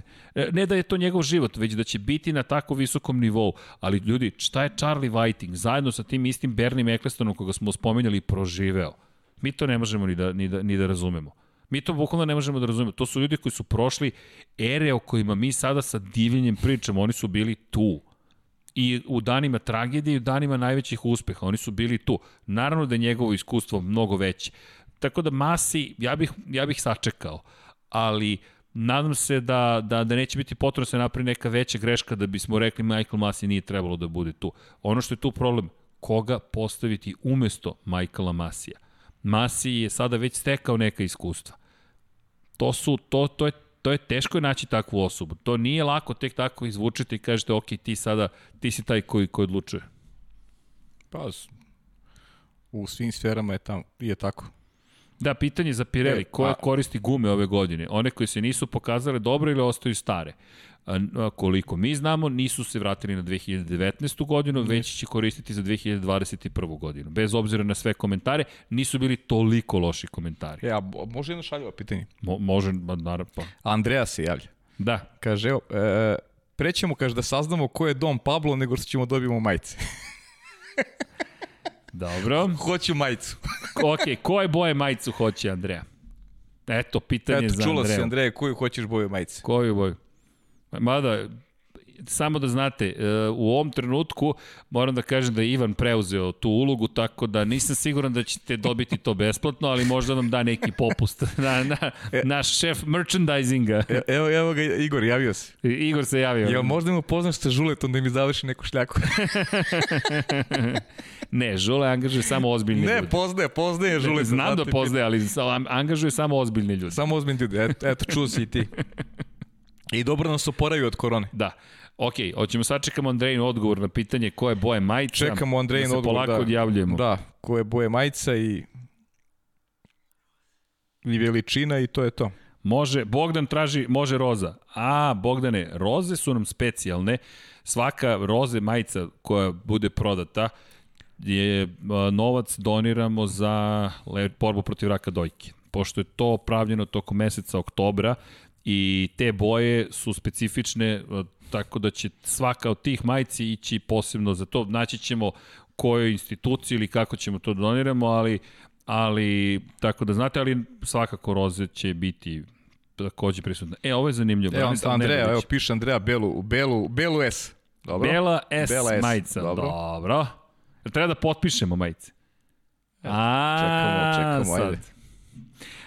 Da, dobro pitanje. O ne tome dugo nismo pričali. Adrian Newey u Aston Martinu.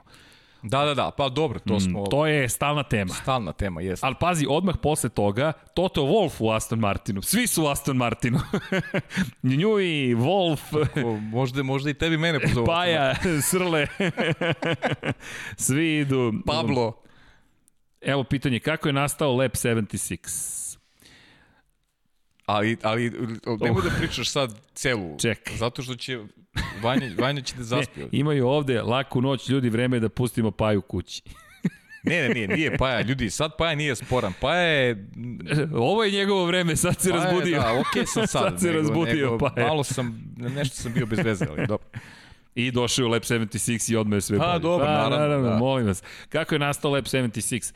Nastao je to je nešto što je dugo u nastajanju i od uvek smo imali nekako ideje da bismo želeli nešto više da uradimo i jedna od ideja je bila da zapravo da pravimo emisije, da idemo na trke, da intervjuišemo ljudi, da pričamo stvarno zaista priče iz automotosporta i da nekako na, na, na našim prostorima ponudimo mogućnost da se, da se priča o tome više i da, da ono što mi volimo prezentujemo. Prosto to nam je najosnovnija ideja bila, a kako je nastao konkretno baš da je postao Lab 76, Pričao sam to, prošle godine sam imao, prošle, sad je već pretprošle godine, Pretprošle, 2019. 2019. operaciju vrata i nešto u tom trenutku. I pre toga sam već počeo da razmišljam o nekim stvarima, ali desilo se na trci u Brnu da mi je prišao prijatelj i rekao, pošto zna da, da planiramo emisije dosta dugo, rekao, Srki, nemoj da, da, da, da to ostane samo ne, neostvaren san. Treba da uradiš nešto po tom pitanju i onda se desila operacija mesec dana kasnije,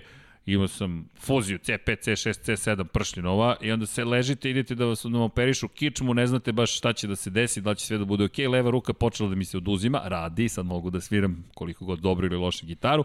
I onda ležite i razmišljate, čekaj, mora da, mora da postoji nešto više, od, od, ajmo da uradimo nešto. I tako je nekako krenulo pa smo onda, nismo mi baš znali šta ćemo da radimo, pa je nešto diskutovali, pa je me malo gledao belo šta sam sada poludeo ponovo, mislim da je verovao da je to posledica operacije, ali me podržao i rekao Srki javi ako nešto treba pa, pa ćemo da vidimo i onda smo otišli Žarko i ja kupili mikrofon, uzeli GoPro i snimili tamo na Adi Ciganli prvi Lab 76. A Brđe je napravio logotip, eto. I Bukvalno tako je nastalo. To je godinama su neka naša razmišljanja bila šta bismo mogli da radimo. Eto. Jeste čovjek idini tvorac i čovjek s moje leve strane na koga bi Veljko Petrović bio jako ponosan. Da, ja sam Da. na tebe ponosan zaista. Jesmo. Evo, pre, pred, sad će Paja da kaže da je to sve srđanova zasluga. Postajemo predvidivi. Ja mislim da Pa nas jest. prozivaju. Ali, ali, Ali to je tačno, ljudi, ja samo sam iskren. Ništa više. Tako da bravo srđane. Ma, bravo s celoj ekipi ovde. Ljudi, ja sam samo možda zakotrljao nešto, ali pa je napravio pod kapicom. Vanja se pridruži, Dom Pablo, Ivan. Do, pričamo Čujte, o to studiju, je- pričamo o svemu. to je zajednički, pričamo real- to je- Jeste, to ali, je ali ceo projekat rad. studija i svega, to je, to je srđanovo maslo. Dobili smo priliku da razmišljamo malo drugačije, da zahvaljujući ovom projektu celom ovde. Tako Da. da, je, Koji to je- sve sjajno. Jeste. Ali, kada je reč o projektima, ponekad znaju da vas okupiraju toliko da ne odete na spavanje. No, vreme je da idemo na spavamo. Pozdrav svima Jeste. koji slušaju, pozdrav svima koji gledaju. Ljudi, standardna poruka iz studija na kraju univerzuma, vodite računa jedni drugima, mazite se i pazite. Mi ćemo biti tu i sledećeg utorka, konkretno gospodin Pavle Živković i moja malenkost. Sutra, u sredu, gospodin Aleksandar Đankić nam stiže. E, ovog puta, ako sede na bicikl, ja ću da ga dovezem. Dakle, sve sa tim biciklom, nema sedanja na bicikl, sve sa gipsom nam dolazi. Deki, sledeće nedelje, Deki ima neke svoje obaveze, ali nastavimo da se družimo da, da radimo pod kapicom. Pratite pod kapicom.com, promovisat ću stalno neverovatni intervju ukoliko vodite vaterpol i sve ono što radite svaka vam čast. A svim ljubiteljima autosporta mi želimo jednu brzu, laku noć i pratite naravno i dalje. Što Sport Klub, što Infinity Lighthouse, imaćemo uskoro nadam se i nova lansiranja u svemir, tako da ovde je hiperaktivno. Ljudi, uživajte, šta da vam kažem. Svako dobro. Hoćemo. Ćao, Ćao svima. svima.